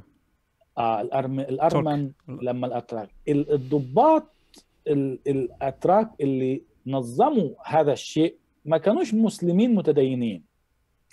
بس علشان جموع الجنود تطبق وتنفذ وتقتل سمحوا للشيوخ إنه يقولوا لهم إنه دول كفار ولا يستحقوا الحياة. ده كان كان أساس. يعني اللي اللي بينفذ الفكرة مش هيعرف ينفذها بدون أيديولوجية. فعند النازي ما كانش محتاجها كان عنده الأيديولوجية اللي هي الآرية نفسها. نعم. ففي في عند الأتراك اللي قتلوا الأرمن كانوا محتاجين أيديولوجية تخليهم يقتلوا مليون ونص أرميني ذبحا فيعملهم إزاي بقى؟ إن دول كفار والقرآن لعنهم ولا بد من التخلص منهم. وخونة والقرآن قال لنا ان هم خونة. فهذا المنطق هو اللي بيساعد إن أنت تعمل الجينوسايد هذا. هو الكافر أقل من الإنسان. هو الكافر أقل من الإنسان. العكس برضو عشان الإنصاف حصل برضو في البوسنة إنه إنه إنه الجرائم اللي حصلت البوسنة كان برضو محتاجة إن هم احتقارهم كمسلمين إلى هذا الحد إن هم لا يستحقون الحياة. صحيح. وهذا الشيء إن إحنا دايما ضده سواء اللي عمله مسلم أو غير مسلم. نعم لا يهم لا يهم طرف في ال- في القصة المهم هو ما حدث الحدث نفسه أنه أي. أمر لا اخلاقي ولا انساني أنا أتذكر قصة لجندي ألماني جندي ألماني في أيام المحرقه ويحكيها يعني بعد الحرب. وهذا الجندي الألماني كان من الجنود الذين يأخذون باليهود لقتلهم يعني للمحرقة. نعم. ويحكي أن ف- طبعا بالإيديولوجية هذه النازية التي نزعت الإنسانية من اليهود فكان قتلهم مثل مثل قتل الذباب ليس. ليس هناك أي فرق. فهو يحكي أنه في يوم من الأيام يعني أخذ بجماعة من اليهود لل- للمحرقة وكان بينهم طفلة صغيرة. وهذه الطفل- الطفلة الصغيرة آه، كانت تشبه بنته هو. يعني هناك شبه. فقال أنه في لحظة هو طبعا عنده غسيل دماغ يعني هو مغسول دماغه مغسول انه يقتل اليهود دماغه مغسول لكن قال في لحظة تحركت فيه الإنسانية. فنظر إلى هذه الطفلة وقال هذه طفلة مثل بنتي تماما ليس هناك أي فرق. يعني ماذا فعلت هذه الطفلة؟ فيقول أنه بكى في هذا اليوم. بكى لكن كان من المفترض يعني مفروض عليه أنه يقوم بال- بالأوامر. كان وصل لطريق اللا رجوع لأنه قتل كثيرين قبلها نعم،. وسيقتل كثيرين بعدها فخلاص بيكون من كتر الممارسات اللي أنت مارستها صعب إن أنت في لحظة تتوقف تماما يعني ودي هي دايما ال- ال- المشكلة في التحول إن أنت آه، من كتر الأخطاء اللي أنت بتعملها لازم تبرر لنفسك إن كل الأخطاء اللي أنت عملتها دي ما كانتش لا أساس لها من الصحه وغلط كل اللي أنت عملته لا الأسهل إنك تدافع عن هذا التل من الكذب الكذب والخطأ نعم صعب صعب التراجع عن صعب أن تقنع نفسك بأنك كنت على خطأ. يعني إنك اسهل أنك تتماشى. بنيت سجن من الكذب ومن الخوف. آه، صعب حتى لو حد أعطاك مفتاح أنك تطلع من هذا السجن صعب لأن خلاص صار بيتك صار مأواك. صحيح. مثل أنا بنت محجبة كانت زميلتي في الجامعة أيام الدراسة في ألمانيا. بتقول لي أنا لابسة الحجاب بحريتي الخاصة. قلت لها يعني أنت مش لابساها عشان يحميكي مني من عيني إن أشوف شعرك ومش عارف إيه وبتاع. وإحنا كنا في اجتماع يعني. قالت لي ابدا ده ده حاجة بيني وبس بين بس ربنا. قلت لها لا طب خلاص طب جربي كده وقلعي الحجاب عشان آه، أشوفك عشان تثبتي لي إن أنت ما انتش خايفة من نظرات عيني ليك يعني. آه، إن أنا شعري عينيك مش هتاكل عينيا مش هتاكل شعرك. قالت لي لا ما أقدرش. قلت لها ما تقدريش ليه؟ قالت لي عشان لو قلعت الحجاب حاسس إن أنا عريانة تماما. قلت لها شكرا. ما تقوليش بقى حرية بعد كده. صحيح. لأن لأن هي دي هو هو ده المدخل الغصب. أصبح مش بس شيء دايركت من شخص لشخص لا الغصب والقهر صار نفسي. إن الإنسان يقهر نفسه بنفسه ويسلب حرية نفسه بنفسه وهذا هو من أكبر إنجازات الإسلام. ويقنع إنه نفسه انه أنه هو ي... لا ان هو ان هو يقنعك بالعبودية التامة ويقول لك هذا هو قمة الحرية. نعم صحيح. يقنعك بالكذب وجهاز الكفتة ويقول لك هذا قمة الإعجاز العلمي. هو هو كده إنه يقنعك بالخرافة ويقول لك إن البشرية ما شافتش أحسن من كده إن هذا أعظم شيء للبشرية. من من أخطر الأشياء لما إيديولوجية تبيع لك العبودية على إنها قمة الحرية، الإسلام بارع جدا في هذه النقطة ولذلك ترك الإسلام هو من أصعب الأشياء لأنه بيبني قيود وأسوار من ساعة الطفل ما بيتولد يعني لا يلقاها إلا كل ذو حظ عظيم يعني.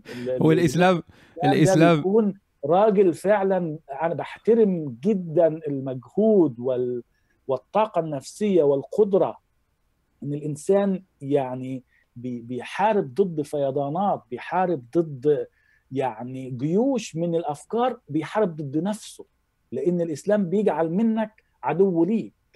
إن أنت يعني يحرضك على عدم التفكير يحرضك على عدم الشك يحرضك يخوفك يراقبك دايما محاصرك. حصار وراء حصار وراء حصار. فاللي بيتخلص من كل ده و يشم نفسه وينام ليلة في حياته بدون عذاب ضمير.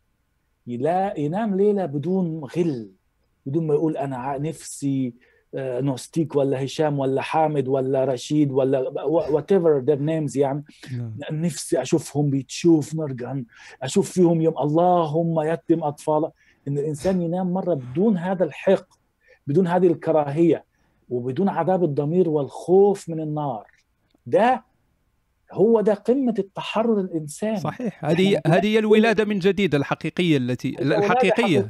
هي الولادة من جديد. هي فعلا نعم. إن الإنسان يشم نفسه ويعيش ينام بدون كراهية لحد وينام بدون عذاب ضمير وبدون الخوف كرباج الخوف يجلده وهو نايم ويجلده لما يصحى ويجلده طول النهار ويحسسه إنه مقصر يحسسه إنه لا شيء. إنه تافه. تأنيب ضمير زائف. هذا تأنيب آه. ضمير زائف. أنت تعيش أزمة دائما عندك تأنيب ضمير لكن هذا تأنيب ضمير ليست له قاعدة صلبة ليست له قاعدة إنسانية. أنت عندك تأنيب ضمير لأنك نظرت إلى آه، بنت كاسية عارية في ال في, ال في, في يعني عندك تأنيب ضمير. عندك تأنيب ضمير لم تصلي الصلاه في وقتها. بماذا ستفيد البشرية بالصلاة؟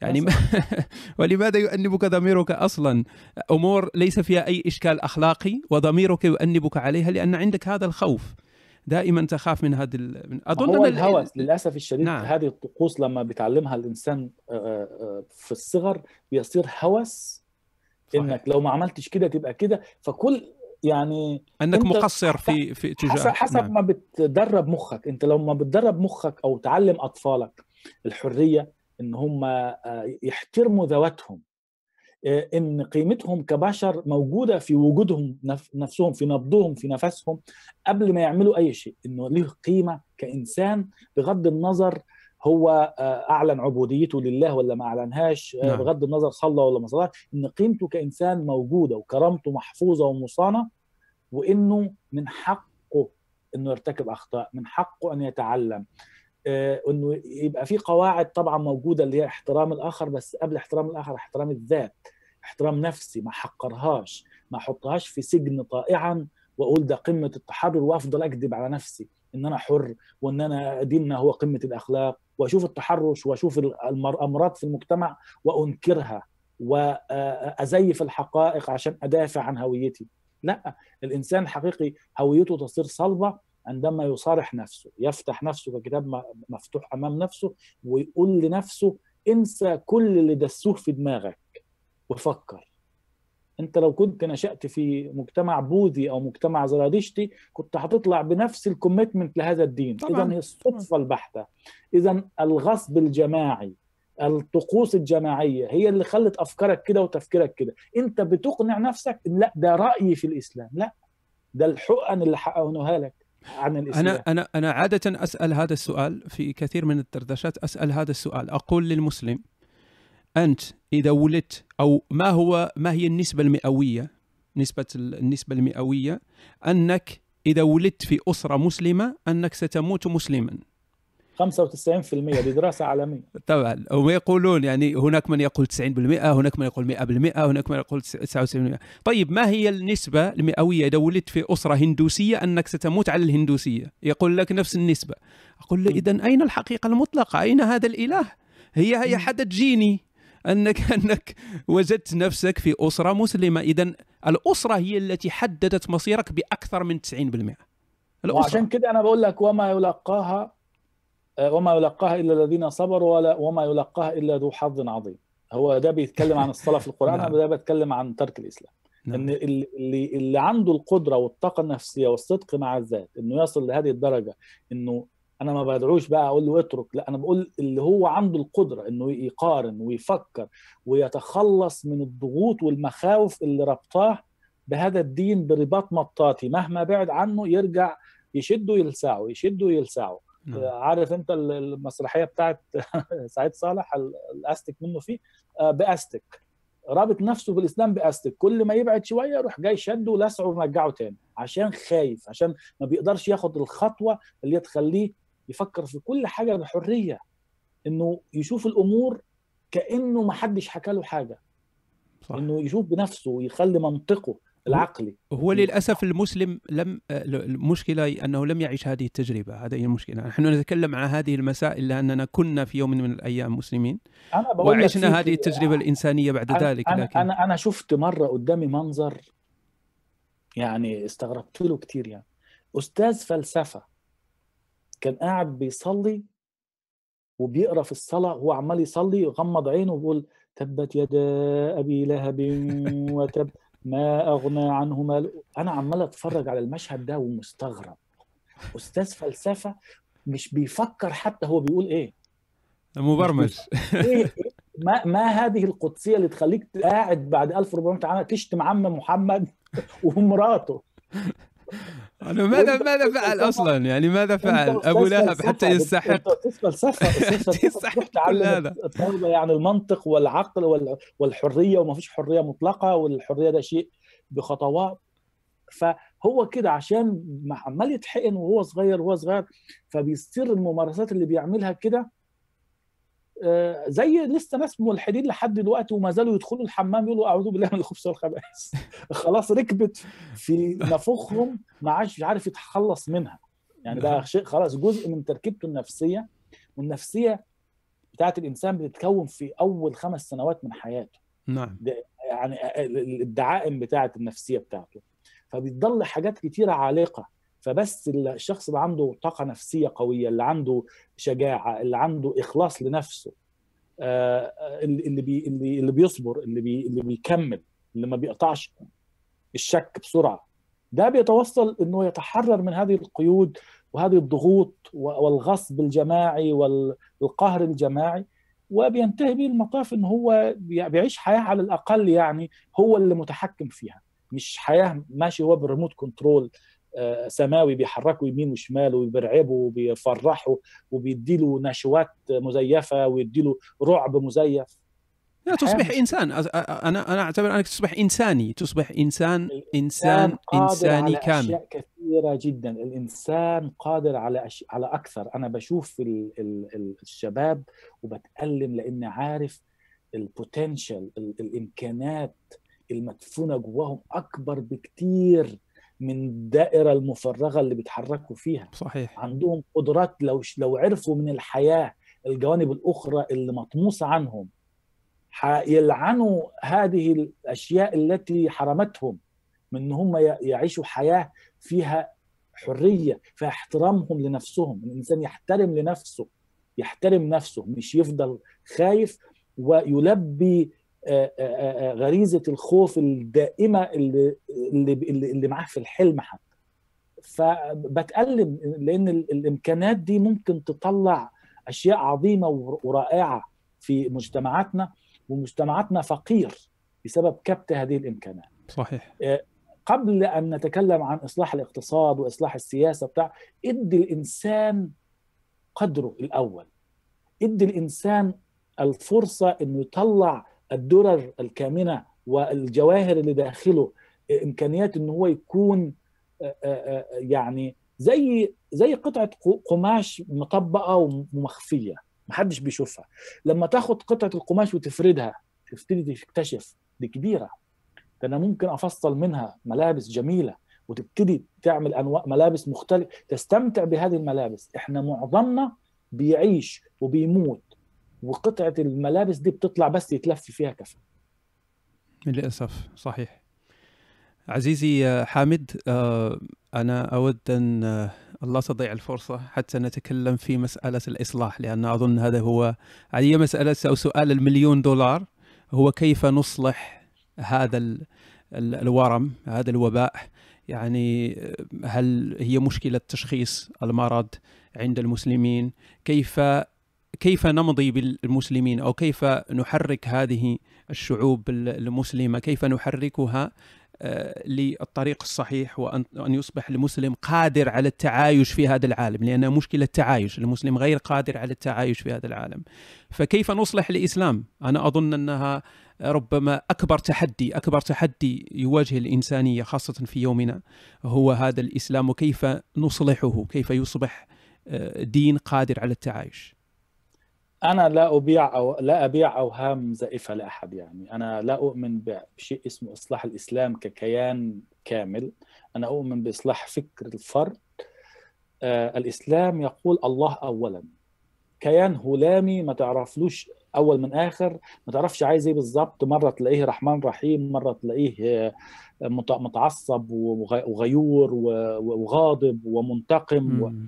ومش عارف عايز إيه بالظبط يعني.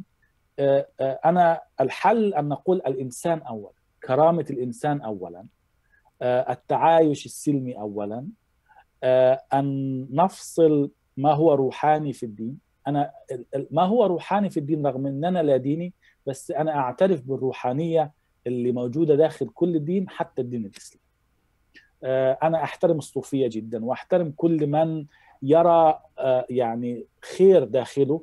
من خلال صلاة أو من خلال صوم فأنا مش دي مشكله هذا هذا ليس بمشكل. نعم صحيح. آه مشكلتي مع اللي هم بيجعلوا من الدين دستور كامل بقى للحياة. مش بس لحياتهم هم لحياتنا إحنا. إنه يعتبر الدين انه هو يحكمهم من رقابنا من النساء والرجال والأطفال وحياة الرعب والتخويف. هذا لابد من التخلص منه. لابد أن نعترف أن الأزمة التي نعيشها الآن مش أزمة اقتصادية أو سياسية هي في المقام الأول أزمة فكرية أزمة في تعامل أزمة تربية كيف نربي أطفالنا؟ هل نربيهم على الحرية وعلى الانفتاح على الآخرين أم نربيهم على الرعب والخوف؟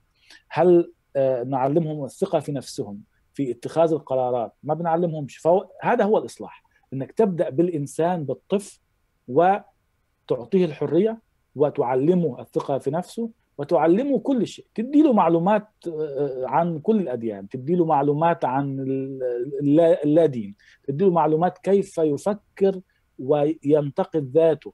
وكيف لا يتعالى على الآخرين بعنجهيه كذابة يستمدها من من من من السماء المزعومة. إن الإنسان يثبت وجوده اولا باحترامه للآخرين باحترامه لنفسه ثم بإنجازاته. اللي بيقدمها للبشريه اللي بيفيد بها البشرية. هكذا الحساب والثواب والعقاب يكون على هذا الأساس. لكن هذا هذا هذا دور ربما هذه أشياء جميلة لكن هذه ربما تدخل في دور الأسرة.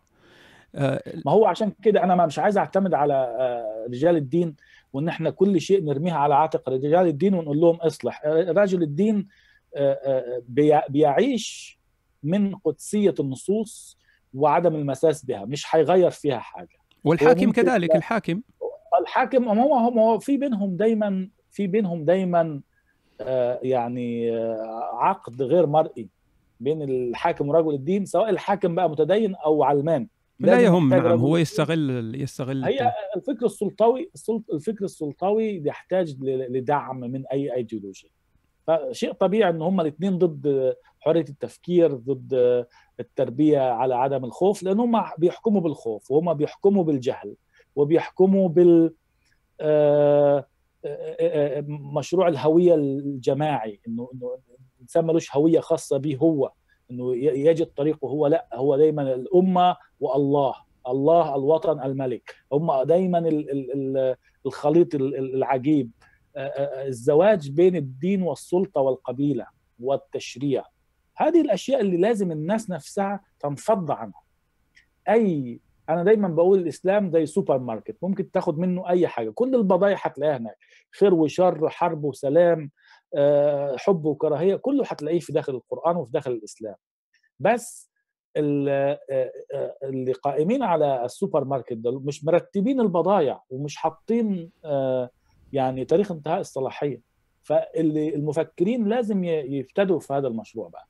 تاريخ الصلاحية بتاع المنتجات التحذير من منتج معين ولما القائمين على السوبر ماركت يكتشفوا إنه الناس ابتدت تنصرف عن هذا السوبر ماركت هيبتدوا هم غصب عنهم يغيروا الأسلوب بتاعهم في التعامل ومش بس أسلوب التسويق البضاعة نفسها لازم يغيروها لأن البضاعة اللي ما فيش إقبال عليها بتتشال من من الأرفف.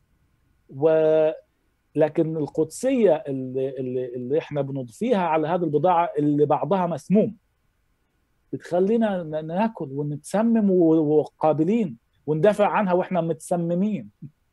فهو لذلك التوجه للمستهلك مش لحارس المعبد مش م. لصاحب السوبر ماركت ولا اللي بيبيع فيه ولا اللي بيتكسب وعايش عليه. لا إحنا نروح للمستهلك ونقول له ارحم أولادك أنت ما رحمتش نفسك. على الأقل ارحم أولادك. ارحم زوجتك وبناتك خليهم يعيشوا. أنت مش هتكسب شيء لما تقيد حرية الناس وفكرهم وتعيشهم في رعب وخوف. تذكر النفاق اللي أنت عايش فيه من ساعة ما اتولدت. ليه تكرره مع أولادك وأحفادك؟ اكسر الحلقة المفرغة دي. يمكن يطلع منهم خير يصلح ما أفسده أجدادك. هل هل دايما هل, هل انتقاد المقدس أو أو كما أفعل أنا السخرية من المقدس وهل هل هذا الأمر يساعد؟ يعني عندما تنزع ثوب القداسة على المقدس ويظهر أنا أنا أشبه أحيانا أشبه نفسي مثل ذاك مثل الطفل الصغير في قصة الملك العاري. أن آه. أنا أشبه نفسي مثل الطفل الصغير الذي يقول الملك عريان يعني فيضحك الجميع فتظهر تظهر يظهر المقدس وهو عاري. فممكن بالضبط. أن تنتقده ممكن أن تسخر منه. فإذا تركناه مقدسا سيسيطر على عقولنا ويسيطر على حياتنا و طبعا تأتينا عشان منه كل هذه وعشان كده عايزين يقتلونا وعشان كده عمالين يحاولوا يقفلوا صفحاتنا وهم اللي يريدون أن يطفئوا نور العقل بأفواههم. هم مش واخدين بالهم. نعم. يعني يتهمونا إحنا ان إحنا نحاول ان نطفئ نور الله بافواهنا لكن العكس اللي بيحصل هم اللي بيحاولوا ان يطفئوا نور العقل ونور البهجة. نحن ناس نحب الحياة نحب الضحك وتحررنا من الخرافات التي كانت تخيفنا. وبنضحك بنضحك وأحيانا بنضحك بمرارة على اللي إحنا كنا عايشينه ومصدقينه. فأنا لما بعمل برنامج زي أو تعليق أو أنت اللي بتعمله في شارلي بالدرجة أو أو على صفحتك. السخرية هذه سلاح مهم. نزع القدسية. الحكام ورجال الدين بيحكموا بالأسوار الوهمية. يعني في أسوار وهمية كده من هالة من القداسة والقدسية حول النصوص. إن أنت لما تقرأ النص آه إنك آه يعني في هالة عليه كده فأنت تبكي تسمع ناس بتبكي فأنت خلاص تقمصت هذا الدور وما تعرفش تتخلص من النص. لكن أنت لو تعاملت مع هذا النص ب... ب... يعني كنا بن... بنناقش آية اللي هي بيقول لك إيه؟ يا أيها النبي بلغ ما أوحي إليك من ربك وإن لم تفعل فما بلغت رسالة. اللي هيقرا النص ده وينسى القدسية اللي فيه هيكتشف سذاجة و... و... و... بل... يعني ما فيش بلاغة خالص واهي جدا نص ضعيف جدا. يعني ولو ترجمته بقى للدرجة قلت يعني إيه؟ يا يا نبي روح بلغ الرسالة دي لو ما بلغتهاش يبقى أنت ما بلغتش الرسالة دي. مثل هذه مثل مسرحيه مضحكه هذه. آه زي مسرحيه عادل, تس... عادل إمام رقاصة وبترقص. نعم. رقاصة وبترقص. طب صح. يعني شكرا نورت المحكمة. يعني إيه الجديد في لو أنت شفت هذه ال هذه ال الآيات والقصص وال يعني جاية منين و هتكتشف فيها سذاجة كتيرة يعني هتكتشف البيئة اللي هي جاية فيها. لما تيجي تضحك إن إن ربنا بيغري المقاتلين اللي بيجاهدوا في سبيله بكواعب أترابة يعني نساء صدرهم كبير. إيه إيه الاحتقار ده؟ هل انت تتخيل يعني لو في إله الخالق الكون المعقد العظيم الرائع ده الجميل ده إنه هيجي يشتم ابو لهب وبعدين يقول للرجالة لو متوا في الحرب هجيب لكم نسوان لا مؤاخذة بصد مين اللي بيعمل كده؟ ده اللي بيعمل كده إحنا بنقول عليه كلمة وحشة. نعم. كلمة سيئة جدا يعني. نعم. فأنت لما بتفكر في هذا الشيء وتضحك عليه إن في ناس من خلال هذه السخريات تقول والله عندك حق. يعني أنا عمري ما شفتها من هذا لأنه متعود على النص وقرأته بطريقة معينة لكن لو انت بتعري النص من هذا صح صح. هو هو أصلا لا لا هو أصلا لا يفكر. وما كما يقال ال ال العجز عن درك الإدراك ادراكه والتفكر في ذاته كفر وإشراك. هو أصلا لا يفكر. هو مجرد تأتيه فكرة الشك والتأمل. يقول هذا الشيطان. يقول أعوذ بالله من هو ده, ده المشكلة بقى. اللي, اللي أنا بقى دايما بقوله للناس إن أنت ما ترضخش لهذه سياسة الابتزاز. إن هو عارف علشان الفكرة بتاعته واهيه وضعيفة جدا هو محتاج أسوار كتيرة عشان أنت ما توصلش للب الفكرة بتاعته. ففكرته ضعيفة جدا. فكرته بتقول لك ربنا رحمن رحيم لو ما عبدتوش هيقتلك. وهيحرقك في نار جهنم خالدا فيها ابدا.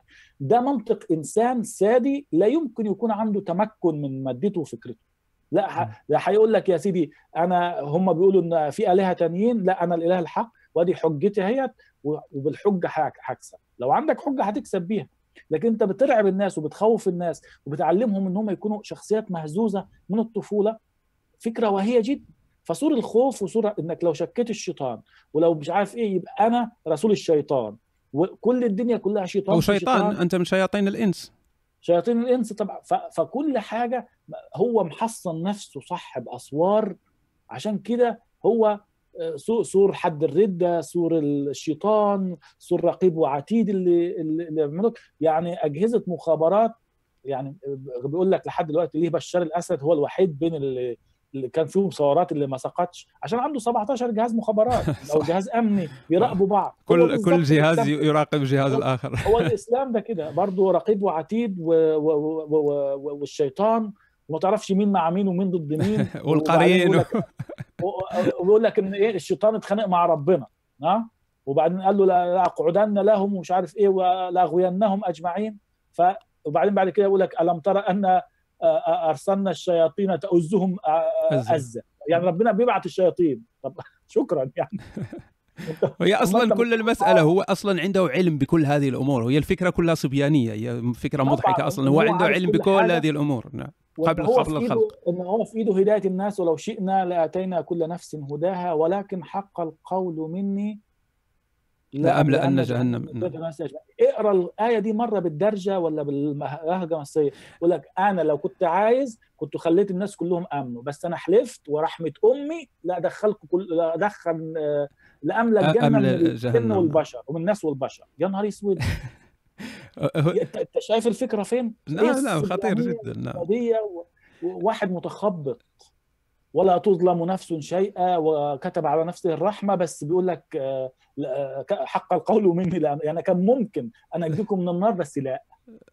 صح. انقطع ربما الفيديو. آه، أخ حامد لا أدري إن كنت لا زلت في الاتصال. الفيديو انقطع. ربما هاكرز. ننتظر قليلا ربما يعود الأخ حامد. أتمنى ذلك. هكروا علينا. ربما يعود الأخ حامد. هل الصوت واضح؟ هل الصوت واضح؟ الحمد لله. إن الحمد لله نحمده ونستعينه ونستهديه ونستغفره ونتوب إليه. ونعوذ بالله من شرور أنفسنا ومن سيئات أعمالنا من يهده الله فلا مضل له ومن يضلل فلا هادي له وأشهد أن لا إله إلا الله وحده لا شريك له وأشهد أن محمدا عبده ورسوله بلغ الرسالة وأدى الأمانة ونصح لأمة وتركنا على المحجة البيضاء ليلها كنهارها لا يزيغ عنها إلا هالك إخوة الإيمان. عاد الأخ حامد. طيب أنا كنت أخطب خطبة جمعة حتى تعود. آه، طيب. ما فيش أسئلة من الإخوة اللي هم حاضرين معنا عشان برضو ما نحرمهمش؟ آه نعم نعم ممكن نفتح باب الأسئلة الآن. آه، لكن قبل ذلك أنا كنت أود أن أضيف مقارنة مع الفارق. طبعا مقارنة آه، ما فعله مارتن لوثر في ال Reformation في التجديد المسيحي أو الثورة البروتستانتية أنه عندما ترجم الكتاب المقدس الكتاب المقدس كان باللغة اللاتينية وكان طبعا صعب وكان خاص فقط بالكنيسة والقسيس هو الذي يعني تريد أن تفهم شيء أو تريد أن تعرف شيء عن كلام الرب عن كلمة الله تذهب إلى القسيس فعندك حاجز بينك وبين كلمة الله وبين بين كلام الله بالنسبة طبعا للإيمان المسيحي. لكن عندما ترجم مارتن لوتا ترجم إلى إلى اللغة الشعبية عامة فبدأ الألمان يقرؤون فبدأوا يعني يجدون أشياء يعني سقط هذا الحاجز. فعندما تترجم أو أو تظهر المقدس بالعامية بالدارجة أو أو تظهر هذه الأمور وتشرحها بالدارجة يسقط هذا الصور يسقط هذا الحاجز بين المؤمن والمقدس. صحيح. هو طبعا آه آه لما ترجم مارتن لوثر هذا الشيء ساعد حاجتين يعني. ساعد إن الشعب نفسه هو اللي يقرأ ويعرف إيه اللي موجود في الكتب دي ويفكر بنفسه ويعمل صورة إلهه بنفسه واللي يسيب المسيحية يسيب واللي يتمسك بها يتمسك وهكذا. إن الأسوار بقى والسلطوية تنتهي في فهم الدين. في في القرآن نفس الشيء. في ناس كتير عمالة تردد القرآن والعاديات ضبحا والمريات قدحا فوسطنا به وهيخلص السورة كلها من غير ما يعرف كلمة. معناها إيه؟ مش هيعرف حتى الكلمة الواحدة. معناها إيه؟ بس لو ترجمها وعرف المعاني هيلاقيها حاجات ساذجة جدا جدا. ف آه، هو جزء من نفس الشيء إنك تجعل التفكير في الدين متاح للجميع. آه، هو القرآن بيخدعك بكذا حاجة ضد بعض. يعني يقول لك إيه؟ آه, آه، إنما يسرناه بلسانك. يعني, يعني إحنا يسرناه ليك. عشان إيه؟ تنذر به قوم يعني إن هم يفهموك. يبقى الموضوع سهل. ولقد يسرنا القرآن للذكر فهل من الذاكر طيب يلا اللي يسرت القرآن الذكر بقى. قول لي والعاديات ضبحا فالمورات قدحا فوسطنا به نقعا فمش عارف عملنا فيه جمعا. جمعا آه. فأنت ممكن تعمل أي حاجة بهذا الشيء. فين فين اليسر؟ ده بالعكس التعقيدة دي هي اللي مخلياك إن أنت عايش في الدور ودروشة. و هو يعني هو أصلا القرآن غريب في أمر مهم لأن القرآن آه، أصلا لماذا جاء الإسلام؟ هو من من أهم الأمور لماذا بعث هذا النبي محمد؟ أن لو لو المسيحية لم- كدين آه، بقيت على حالها أنا أتكلم من منظور إسلامي طبعا. لو المسيحية بقيت على حالها وبقيت الأمور والإيمان كان ايمانا صحيحا لما كانت هناك حاجة لمحمد لأن الإيمان المسيحي كان قائما بذاته وانتشر في في في المسكونة وكل هذه الأمور. اذا جاء هذا جاء محمد من من أهم أهدافه وربما هو هدفه الرئيسي هو تصحيح هذه الأديان، تصحيح أن يقولنا هذا هذا الأمر خطأ. ننظر آه. آه. إلى إلى إلى إلى قواعد الدين المسيحي من يعني من أكبر قواعد الدين المسيحي الصلب والفداء. فالمفترض أن يأتي محمد ويكون جل القرآن يتكلم عن الصلب والفداء ويفند الحجج. تجد آية يتيمة وحيدة ما صلبوا ما قتلوا لكن شبه لهم. من غير هذه الأم يعني بغض آه النظر عن هذه ال- عم بيتكلم كتير عن المسيحيين واليهود بس لم يشتبك مع عقيدتهم خالص لأن هو- لا يفهمها لا يفهمها أصلا مش فاهم أصلا هم بيقولوا إيه مش فاهم هو بيقول لك. آه آه آه بس ال ال ال ال الإسلام مش عارف إيه قال لم يلد ولم يولد ولم يكن له طب هات لي أي فرقة مسيحية بتقول لك إن الله آه بيولوجيا هو ولد. هم يظنون جسديا أن الولادة جسدية طبعا مين له الفرقة اللي صاحبة بتقول كده؟ هو طبعا له صاحبة آه من الفرقة اللي بتقول إنه جسديا وولد وما ولدش يعني آه، آه، هو ما فهمش أصلا هم عايزين يقولوا إيه. وبعدين ما كملش ولا صححش. لا شيء. هو كان كان في كان في تنافس سياسي وإيديولوجي معاهم. في الأول كان بيسرق منهم قصص ويتقرب منهم. ما هو برضه كان تقرب في البراجماتية. نعم نعم. خلى ربنا تاجر. خلى ربنا تاجر. إنه إيه عايز مصلحة من اليهود والنصارى يخش منهم ويقول لهم إيه؟ لا خوف عليهم ولا هم يحزنون و وفي البداية بقى علماء بني إسرائيل و لا تجد أن أقرب مودة للذين آمنوا. ال- نعم. إن نصارى إن ذلك بأن منهم قسيسين ورهبانا وأنهم لا يستكبرون. طب القسيسين وال- والرهبان دول كانوا بيتعبدوا على أي عقيدة؟ عشان نعرفها. هم كانوا يسبون الله عز وجل. هذا إيمانهم. ما هم كلهم بيقولوا الله هو المسيح كلهم. هذا مش- سب سب هذا سب ل... آه،. بيقولوا الله هو المسيح. نعم. مصيبة بالنسبة لك. طب يبقى الرهبان دول كانوا بيتعبدوا على أي عقيدة اللي أنت بتقول لا يستكبرون اللي أنت بتقول لا خوف عليهم ولا هم يحزنون. على أي عقيدة قول لي منها؟ كانوا بيقروا أي إنجيل يقول لك اتحرف طب هات لي الاصلي ما هذه. مشكلة هذه مشكلة كبيرة جدا. فهم آه، فهم فهو كاتب القرآن لل... لا، هو- هو هو قال لك. إيه؟ آه آه آه ليظهره على الدين كله مش ليصحح بقى والذي أرسل رسوله بالهدى ودين الحق ليظهره على يعني لينصره على الدين كله. داخل في منافسة الموضوع منافسة. في الأول يستفيد منهم يعمل أرضية على أساس عقيدتهم وبعد كده يقول لهم لا ده أنتوا اللي غلط وأنا الدين بتاعي هو اللي صح وقر... و... و... آه، وتوراتكم محرفة وإنجيلكم محرف عشان كده ما فيش غير القرآن هو بس الكتاب اللي له حق البقاء يعني حاجة غريبة جدا في الإله اللي هو يسيب إله كتب تتشوه دي وت... هي... وحتى ما توصلناش النسخة الأصلية منها راحت فين.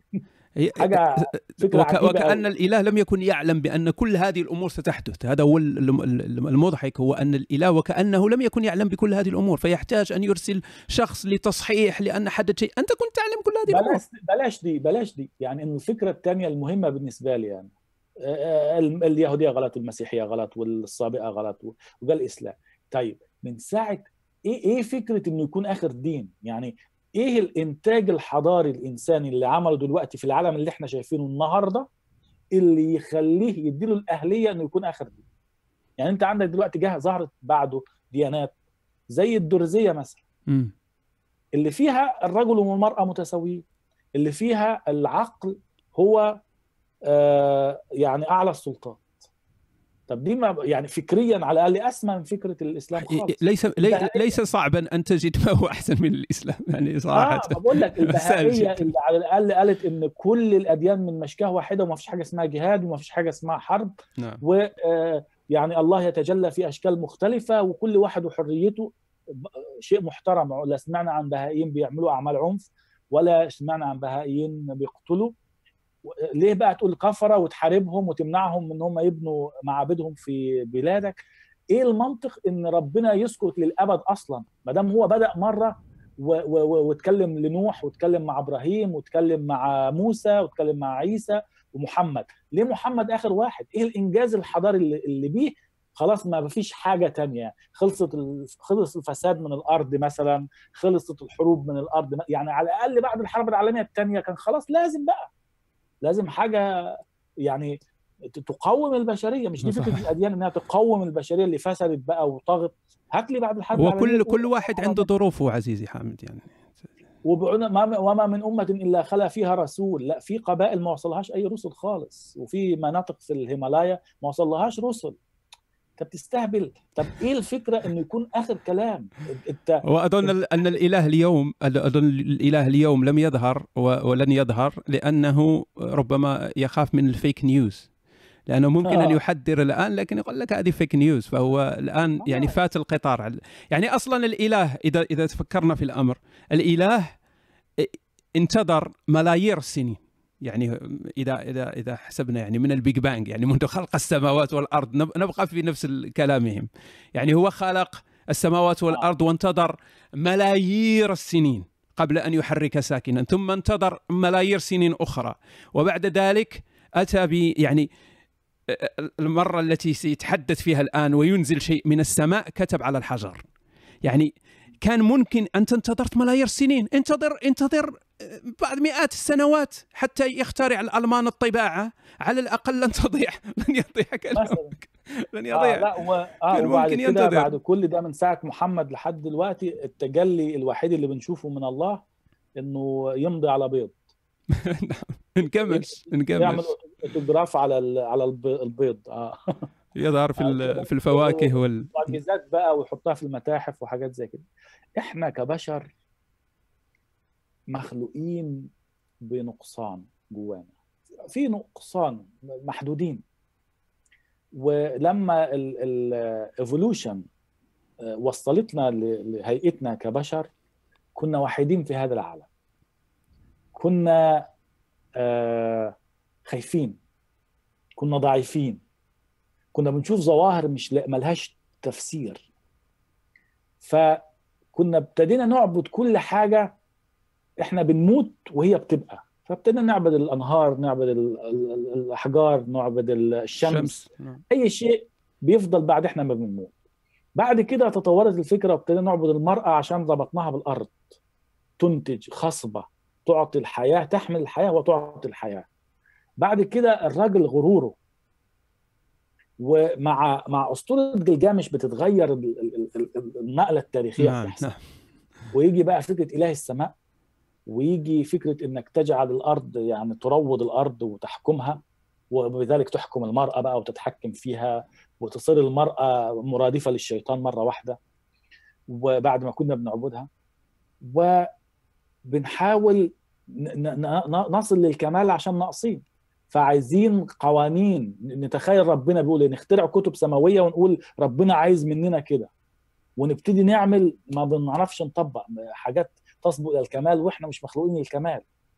فنتعب فنخترع فكرة الخطيئة نخترع فكرة النار نخترع فكرة رحمة ربنا والجنة وهكذا. بس في نهاية المطاف المقدس الحقيقي إن إحنا جوانا حنين. هو ده الشيء المقدس. جوانا كم هائل من إن إحنا عايزين نحب ونتحب. آه، جوانا آه، إحساس إن إحنا في ارتباط بهذا الكون غريب كأننا مخلوقين من ذراته ومعجونين بمياهه. ففي ترابط بيننا وبين الكون وهو هذا المدخل إن إحنا ممكن في هذا الكون وتأملنا ليه وتأملنا نفسنا نكتشف أكوان كون داخلنا إحنا عالم كامل داخلنا إحنا. وهو هذا الحنين وهذا الرغبة في المحبة هي اللي بتربطنا كبشر إن إحنا بنتعاطف. م. للأسف الشديد لما يجي الدين وخاصة الدين الإسلامي بيحرم علينا التعاطف مع الآخر. بيجمد قلبنا. بيبني أسوار بيننا وبين البشرية. فهو بيقص هذا الحنين اللي هو أقدس شيء فينا. اذا هذا الدين يطمس المقدس داخلنا ولا يغذيه. جميل. نعم. المقدس الحقيقي هو الحب. المقدس الحقيقي هو الحنين. المقدس الحقيقي إنك تحس إنك مترابط مع كل البشر وحتى مع كل الكون مع الشجر ومع الطبيعة. نعم نحن أبناء أبناء نفس نعم نفس المصدر. نحن ابناء نفس المصدر. يعني إحنا إحنا عائلة واحدة. لكن الدين اللي يجي ويقول لك اكره ده على أساس دينه يبقى هو ضد المقدس. يبقى هو بينتزع منك أهم شيء كنزك البوتنشال الإمكانات الكامنة الدرر اللي داخلك اللي أنت ممكن بيها تستمتع بهذه الحياة وتكتشف فيها إن لها معنى. صحيح. عزيزي حامد أنا لا أريد أن أستغل لطفك وأطيل عليك كثيرا. فإن أحببت أن لأن أنا يعني وصلتني تعليقات الإخوة أنهم مستمتعون جدا بالحوار لكن أنا أعرف أن عندك طبعا مشاغل أخرى فلا أريد أن أطيل عليك أكثر من اللازم. إحنا تكلمنا تقريبا ساعتين ونصف الآن مرت وكأنها خمس دقائق. آه نعم. آه. عندما يكون الحوار جميل يكون الوقت أنا يطير. مع بداية الحوار كنت تعبان وكنت خايف إن يعني أضطر إن أوقف بعد نص ساعة. مش عارف إزاي إحنا كملنا يعني. شفت هذه كرامات هبليه هذه كرامات هبل سبحانه وتعالى. طيب فساطلب الآن من الإخوة سواء على البالتوك أو على اليوتيوب سأراقب الاثنين معا. إن كانت هناك أسئلة فممكن يتفضلوا بها. واعتذر لأصحاب شارلي لأن لا أستطيع أن أتابع. أنا لست لست إلها فسأركز فقط في اليوتيوب والبالتوك على الأسئلة وسأطرحها على الأخ حامد. طيب أين الأسئلة يا إخوة؟ سأطلع على اليوتيوب كذلك. إن كانت هناك أسئلة ضعوها الآن. هو اليوتيوب دائما عنده تأخير طبعا. هو اليوتيوب إن قامت الساعة اليوتيوب سنكون أمام الله عز وجل واليوتيوبيون ما زالون يعلقون يعني عندهم دائما تأخير. هو الإله الحالي الإله الحالي هو جوجل ويوتيوب إحنا بنخش نسألهم. لو عندنا أي شيء بيخش على جوجل نسأله. صحيح. هو كده ولا لأ؟ وهو اللي بيدينا الإجابة الشافية عن محمد وعن بوذا وإجابات وعن... مقنعة إجابات مقنعة آه دون أجندات. وأنت تروح تناقش بها في المنتديات يعني وترد كأنك تعلم صحيح. هناك سؤال عزيزي حامد هو هل تعتقد أن هناك خالقا لهذا الوجود أم لا؟ يعني مسألة ربما في الربوبية أكثر. ومنذ متى تركت الإسلام؟ آه، هل خروجك من بلدك سبق خروجك من الإسلام أم العكس؟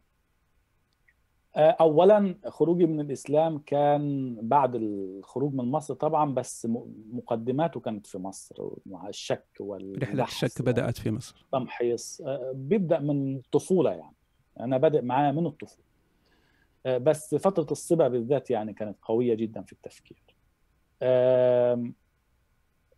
أنا لا أعتقد في وجود خالق. أنا أعتقد في وجود طاقة بتجمعنا جميعا. إحنا إحنا إحنا إحنا جزء من الخلق والخليقة.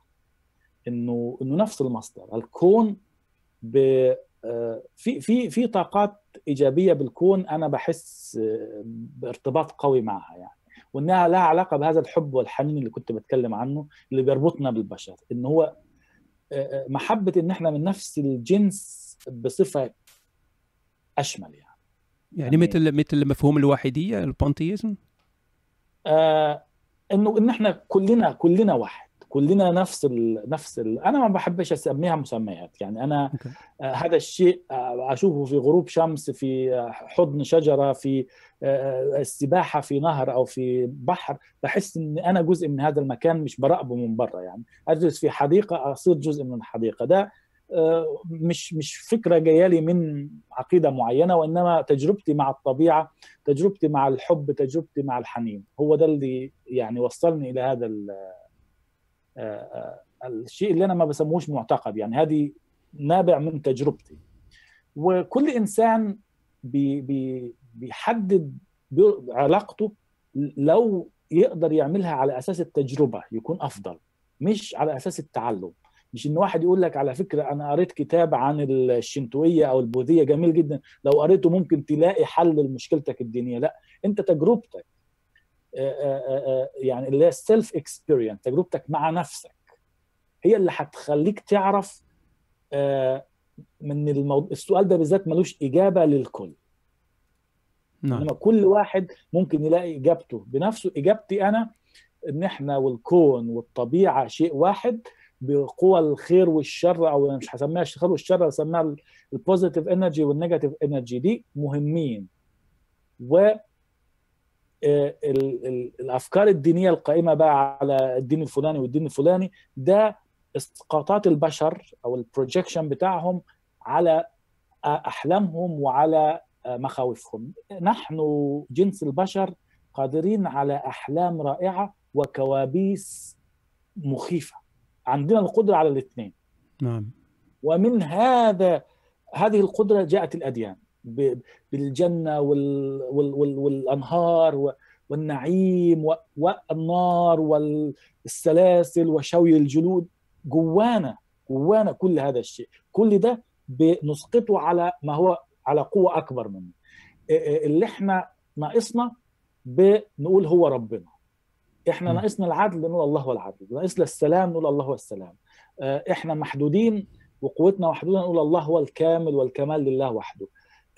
نحن آه، ظلمنا في موقف معين نقول الله المنتقم الجبار. فالله زي مفهومنا للسعادة الجائع الله بالنسبة له رغيف. المسافر الله بالنسبة له عودة. فإحنا نحن السؤال ونحن الإجابة.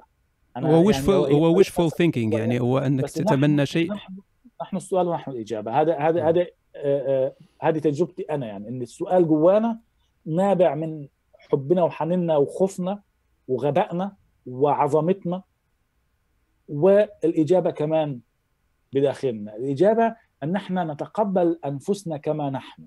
لا لا لا نروضها حسب فكرة أو احتياج شخص. لكن نمشي ورا هذا النبض ورا هذا النفس هتكتشف إن إن حياتك آه، مكتملة فيها حاجات كتيرة ما كنتش شايفها. الأيديولوجيات والأديان مغمية عينك عنها تصورك للإله مغمية عنك عنها. لما أنت تتحرر من كل هذا هتكتشف كنوز جوه نفسك هتاخدك ليها الإجابات بلا أسئلة. جميل جميل. آه عزيزي حامد سؤال آه ثاني من الأخ وائل. ما هو الأسلوب الأمثل في التعامل مع ما يسمى بالقرآنيين؟ وهل ترى أننا يجب علينا دعمهم حيث أن أغلبهم يرفضون العنف الإسلامي؟ طبعا أي إنسان يرفض العنف آه، أنا معه. أنا أنا أنا آه، أفكاري تختلف عن إسلام البحيري لكن أدعمه وأدافع عنه. أختلف معه في الرأي نعم. آه، لكن إحنا مش إحنا ما احناش ما احناش في عداء مع عقيدة أو فكر إلهي. أي شخص يحيد الظلم والعنف الذي يأتي من الإسلام ويدعو إلى التعايش وإلى حياة كريمة نساعده طبعا. ونشتبك معهم في آه، حوارات آه، لا نسفههم آه، لا نقلل من رأيهم. زي ما قلت لك كل إنسان له مدخل للحقيقة. آه، ما تخليش اللي ألحد أو اللي بقى لا ديني يجعل من الإلحاد واللا دينية دين. ويقول لي ال- الإلحاد الصحيح واللا دينية الصحيحة وهذا ليس ملحد صحيح وهذا ملحد لايت لا. آه، آه، انت تحررت من القيود لا تفرض على نفسك قيود جديدة. كن منفتحا على الآخرين حتى مع المسلم الذي يصلي ويصوم ويؤمن بالسنة حتى وأخونا في الإنسانية. وما نقفلش الباب في وش حد بس نتناقش. أنا عندي مشكلة مع القرآنيين طبعا الانتقائية الشديدة. نعم.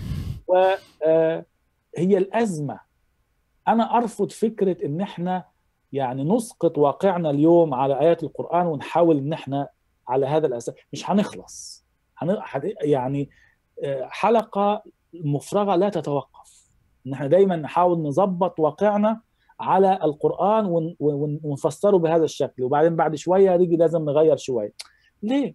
أنا من رأيي التحرر من من سلطة النص وعدم الاعتراف به كدستور للتعامل أن يبقى القرآن آه، فولكلور آه، أو أو للصلاة يصلوا الناس به يتعبدوا به لكن لا تأتي به لتقنعني أن انه يأمرك لت- بالتعايش معي. مش هصدقك مش. مش هصدق كتاب فيه 400 آية عن جهنم والعذاب إنه مع التسامح والحرية. آه، هتقول لي دي رموز؟ هقول لك خلاص روح اقرأ كتاب كليلة ودمنه رموز الحيوانات وقصص الحيوانات في كليله ودمنه أكثر إثارة والمغزى واضح فيها. صحيح. آه فما تقوليش إن الرموز وقصة الهدهد رمز وقصة الجنه, الجنة والنار رمز وبتاع دون ده إيه إيه سوء التفاهم العظيم اللي حاصل كل السنين دي يعني. وما تجيبش تقول لي لا ده ما بيقول وإن جنحوا للسلم فاجنح لها ويا أيها الذين آمنوا ادخلوا في السلم كافة هروح جايب لك أكثر من 45 آية تانيين قتال قتال وما فيش سلم معاهم. هنا مشكلة السياق هنا هنا مشكلة السياق مرة أخرى. السياق أيوة الزمني المك... الزمان السياق لآيات العنف وايات الحرب الاثنين في سياق فبس القرآنيين عايزين ياخذوا سياق آيات السلم بس. صحيح. بالذات السلم تكون عامة وسياق الحرب. لا القرآن منتج بشري. أي حد ما اكتشفش ده بالمنطق وهو بيقرا في مشكلة مش هعرف أتعامل مع واحد جاي لي بيقول لي لا ده هو من عند ربنا بس قصده كذا. هات لي جواب معتمد عليه عرض حال دمغة وختم النسر من ربنا بيقول إن ده هو كان قصده كده. نعم صحيح. ما تجيش أنت النهارده وتلون على مزاجك. لا أنت في أزمة وهذه هي مشكلتنا الرئيسيه مع القراني ما يسمى بالقرانيات هم هو هم في أزمة عشان هم بيتعاملوا مع نص وجد وخلق لمجتمع تاني خالص هو لسه صحيح. عايز يستخدمه النهارده نعم. فبيحاول إيه يلوي هذا مصدر هذا مصدر المرض هو هذا مصدر الوباء بس هو هذا. في النهاية ده اعتقاده احترمه انت بتؤمن بتحييد آيات العنف والتعايش مع الآخرين والمسيحيين مش كفار واليهود مش كفار والكفار نفسهم مش دول الكفار اللي هم الملحدين النهارده إن ده قصة ثانية وأهل مكة. أحط إيدي في إيدك وأحترمك وأدافع عن حقك في إنك تنشر هذا الفكر وإن ما حدش يضطهدك وإن ما حدش يقتلك وإني ما اسفهش برايي لكن لن أخون أفكاري وأقول لك أنت صح. لا هقول لك أنت أخي في الإنسانية ولكن نختلف في هذه النقطة. نعم أنا أنا أنا أقول نفس الشيء. يعني عندما نناقش شخص لا يؤمن بالحدود لا يؤمن بتطبيق الشريعة أنا أسميهم مسلمون بوتسوانيون يعني يختلفون تماما آه. من بوتسوانا الشقيقة. فأقول له نعم نحن كلنا واقفون على ثغر من ثغور الإنسانية. نختلف طبعا في طريقة التعامل مع مع الدين لكن كلنا نريد نفس الشيء نريد الخير للإنسانية سؤال عن عن سقوط داعش يعني القريب في القريب العاجل ما هي تداعيات سقوط داعش على العالم الإسلامي؟ أنت طبعا نبي فيجب أن تأتي الآن بالنبوة الصادقة وإلا تصبح حامد الكذاب. لا ما هو أنا أنا بحلل ما بقول لك أنا ما بتنبأش. أنا بقول لك إن داعش وجه من وجوه القبح الإسلامي السياسي وجه من الوجوه. وعشان إحنا ما ما كناش بنعترف بقبح الوجوه الأولى صار الوجه دايما يصير أقبح وأقبح وأقبح. يعني علشان القصة طويلة تبدأ داعش بفتح مكة. ده بداية صحيح. داعش. صحيح. اللي هو إنك تروح مكان وتكسر أصنام ناس هم بيعبدوا حجارة. أنت مال أمك. هم بيعبدوا حجارة. أنت عايز تقول إن ربنا إله واحد. روح جنبيهم قول لهم ربنا إله واحد. أنتوا بتعبدوا الحجارة؟ خلاص اعبدوها أنتوا حرين بس أنا حذرتكم خلاص وخلصت المعيشة. لكن تيجي تكسر لي البتاع دي وتقول لي اقتلوهم لو تمسكوا باستار الكعبة وما تجيش تقول لي بقى اذهبوا فأنتم الطلقاء. حديث ضعيف. أنت بتروح سايب الأحاديث القوية بقى اللي فيها بيقول لك اقتلوهم لو تمسكوا باستار الكعبة وقتلوهم. ومنهم اللي قتلوهم ابن خطل اللي قال قصيدة بيهجو فيها محمد ما عملش حاجة أكتر من لا انتقام طبعا. وجاريه وجاريه ابن خطل اللي هي يعني عبدة. لازم لازم تعمل تنفذ الأمر غنت القصيدة. تقتلها ليه؟ هتروح تقول لي اذهبوا فانتم الطلقاء كنت تطلق ابن خطل وجاريته اذا دخول محمد لمكة وبعد ما كان فيه تعدد أديان كان في يهود كان في كفار كان في بيسموهم كفار يعني بس تعدد أديان هو عمل monoculture أو Monokultur الثقافة الأحادية الأحادية. يعني الفكر الأحادي فمحى الأديان وخل دين خلى دين واحد وقال لك آه لا لا لا يبقى دينان في جزيرة العرب لا يجتمع دينان في جزيرة العرب. لا يجتمع الدينان في جزيرة العرب ولا أخرجن اليهود والنصارى من جزيرة العرب وأخرجوا المشركين من جزيرة العرب. ده بداية الفاشيه ال- الإسلام ما غيرش هذا الوجه السياسي في آه، تاريخه إلا في عطلوا في أوقات في قرطبة في بغداد في بعض الأوقات. ظل هذا الوجه القبيح يطلعوا يغزوا ويجيبوا نساء ويسبوا نساء الأمازيغ ونساء مصر ونساء آه، سوريا ونساء العراق ونساء الفرس ويجعلوهم سبايا ويغتصبوه إحنا اللي بيقول لك أنا شرفي لو تعرف جدودك السيدات حصل لهم إيه؟ أنت شرفك ده هينقح عليك هتزعل هتتأذى. عملوا إيه في الأمازيغيات؟ وعملوا إيه في المصريات؟ وعملوا إيه في الفارسيات؟ وعملوا إيه في العراقيات والسوريات؟ اغتصبوهم باسم سبيط حرب. دي كارثة.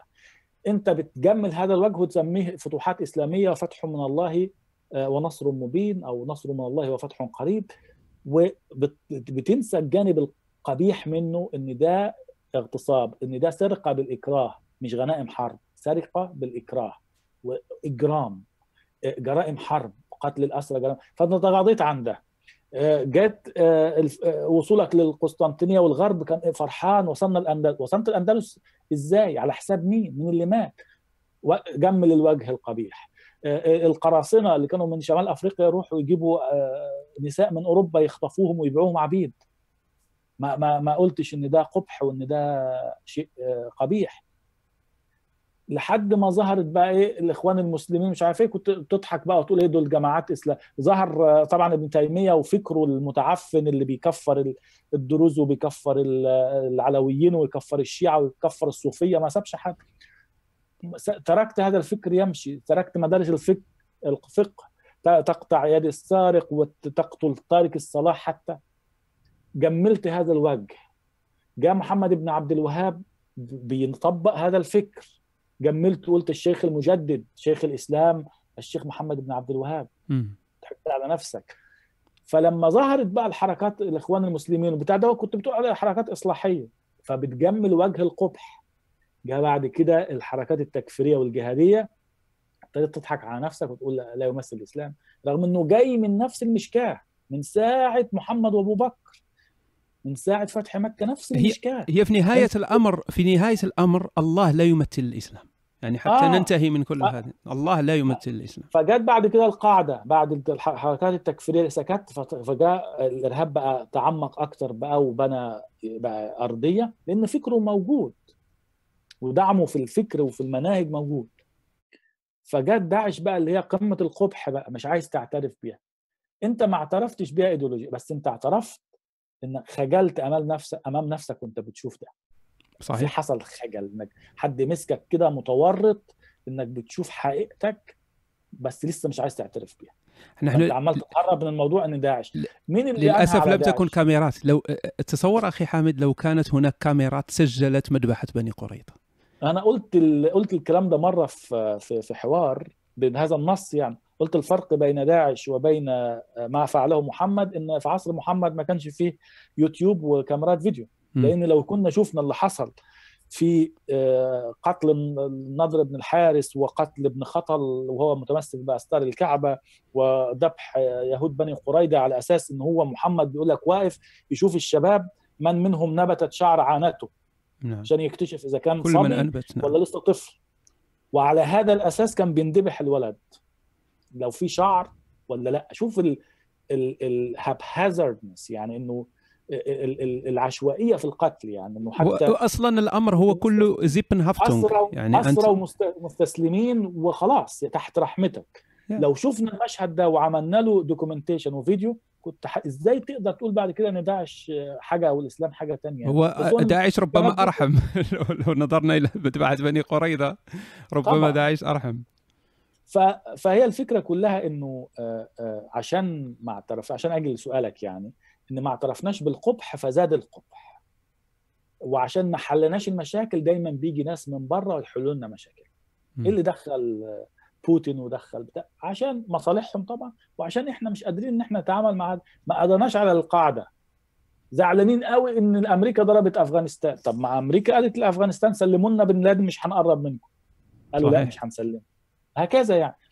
نفس الشيء لو انت كنت انت قوي والإسلام و... وإن طائفتان من المؤمنين اقتتلا فقاتلوا التي تبغي حتى تفيء الأمر. طب ما قتلتوش التي تبغي ليه؟ يعني القاعده القاعدة دي مش مش هي التي تبغي مش داعش التي تبغي. ليه المسلمين دول بقى ما تجمعوش وراحوا عملوا جيش وراحوا سحقوا داعش؟ ليه محتاجين طيارات الأباتشي الأمريكية أو الصواريخ الروسية عشان خاطر يقضوا على داعش؟ عشان هم داعش هي الوجه الآخر من فكرهم اللي بيتعلموه في المدارس وحلمهم الأبدي. نحن وهذه الأزمة.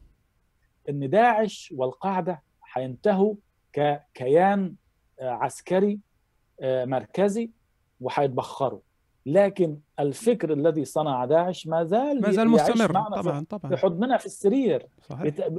في حلمنا الأبدي. يعني فيه 120 عالم رجل دين من كل العالم. عملوا خطاب الدنيا كلها بتتكلم عنه بقى إن إيه إن الإسلام الحقيقي يرفض داعش ومش عارف لو قريت الخطاب ده بجد أنا قرأت الخ... أنا قرأت.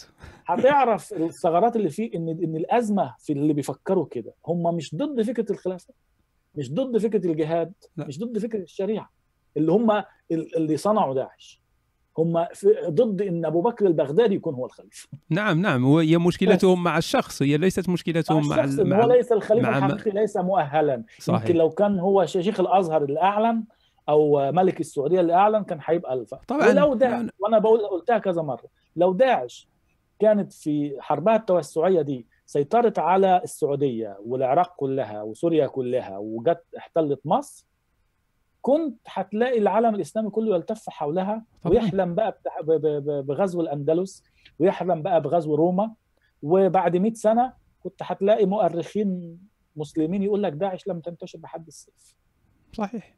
يعني حتى لو بدأت داعش في السعودية مثلا وكانت لها السطوة واستطاعت احتلال السعودية وأصبحت لها القوة هناك سيتغير الخطاب كذلك طبعا. لأن طبعا. السعودية هي مصدر كنت هتلاقي, كنت هتلاقي ملوك المسلمين والقبائل يروحوا يعملوا البيعة للخليفة في مكة أكيد. نعم طبعا هو التاريخ كان كده التاريخ صحيح. كان المنتصر الحصان الرابح هم شافوا إن داعش مش هتبقى الحصان الرابح نعم. فعشان كده مش مش كراهية في داعش واللي بتعمله لا مش مش هي الصح مش التوقيت الصح. هي مسألة سياسية أكثر نعم. الخلافة مش كده. الخلافة أدب مش مش صياعة. نعم هم لذلك يسمون الخوارج يسمون أنهم خرجوا عن الخليفة. أين أين هو الخليفة أصلا؟ آه آه ربما آخر سؤال أخي حامد أنا أعرف أني أطلت عليك. آه ما حكاية رفض نشر كتاب الفاشية الإسلامية بالفرنسية في البداية؟ بسرعة بقى عشان ننهي. والحقيقة إن هو كان يعني الكتاب. اتعمل بالألماني وترجم فارسي وترجم عشر لغات تانية مش فاكرهم كلهم يعني بس إنجليزي وهنغاري ومش عارف كوري. والفرنسية طبعا بطبيعة الحال آه الإيطالية دلوقتي تحت الطبع. آه نقاش مهم يعني وكتاب تحليلي زي ما قلت لك مش مش هجوم على حد. فقروا الكتاب وقالوا it make sense يعني ليه لأ؟ وحبوا ينشروه. في 2014 already بس حصل شارلي إيبدو جت بعديها خافوا. خاف الناشر رغم إنه يعني يساري مش كان ناشر يساري. فخاف. بعد كده جت أحداث باتاكلان تاني كان لسه هينشر برضه راح موقف. باريس مرة تانية والعنف حصل وبعدين حصل في الصيف اللي فات في كان خلاص الكتاب يعني هيتنشر وكان already اتعلن عنه في امازون وابتدوا الناس يشتروه مسبقا يعني. والترجمة خلصت وبيتنشر الكتاب في المطبعة. جت أحداث نيس الراجل اللي دهس 80 واحد ده هم أص... اترعب هم قاصدينك بقى. هم قاصدينك. آه لا الناشر الناشر قال ما أقدرش أحمي الموظفين بتوعي ووقف النشر بس طبعا خلاص يعني عشان صحف فرنسية انتقدت هذا الشيء وشتمت الناشر جامد يعني.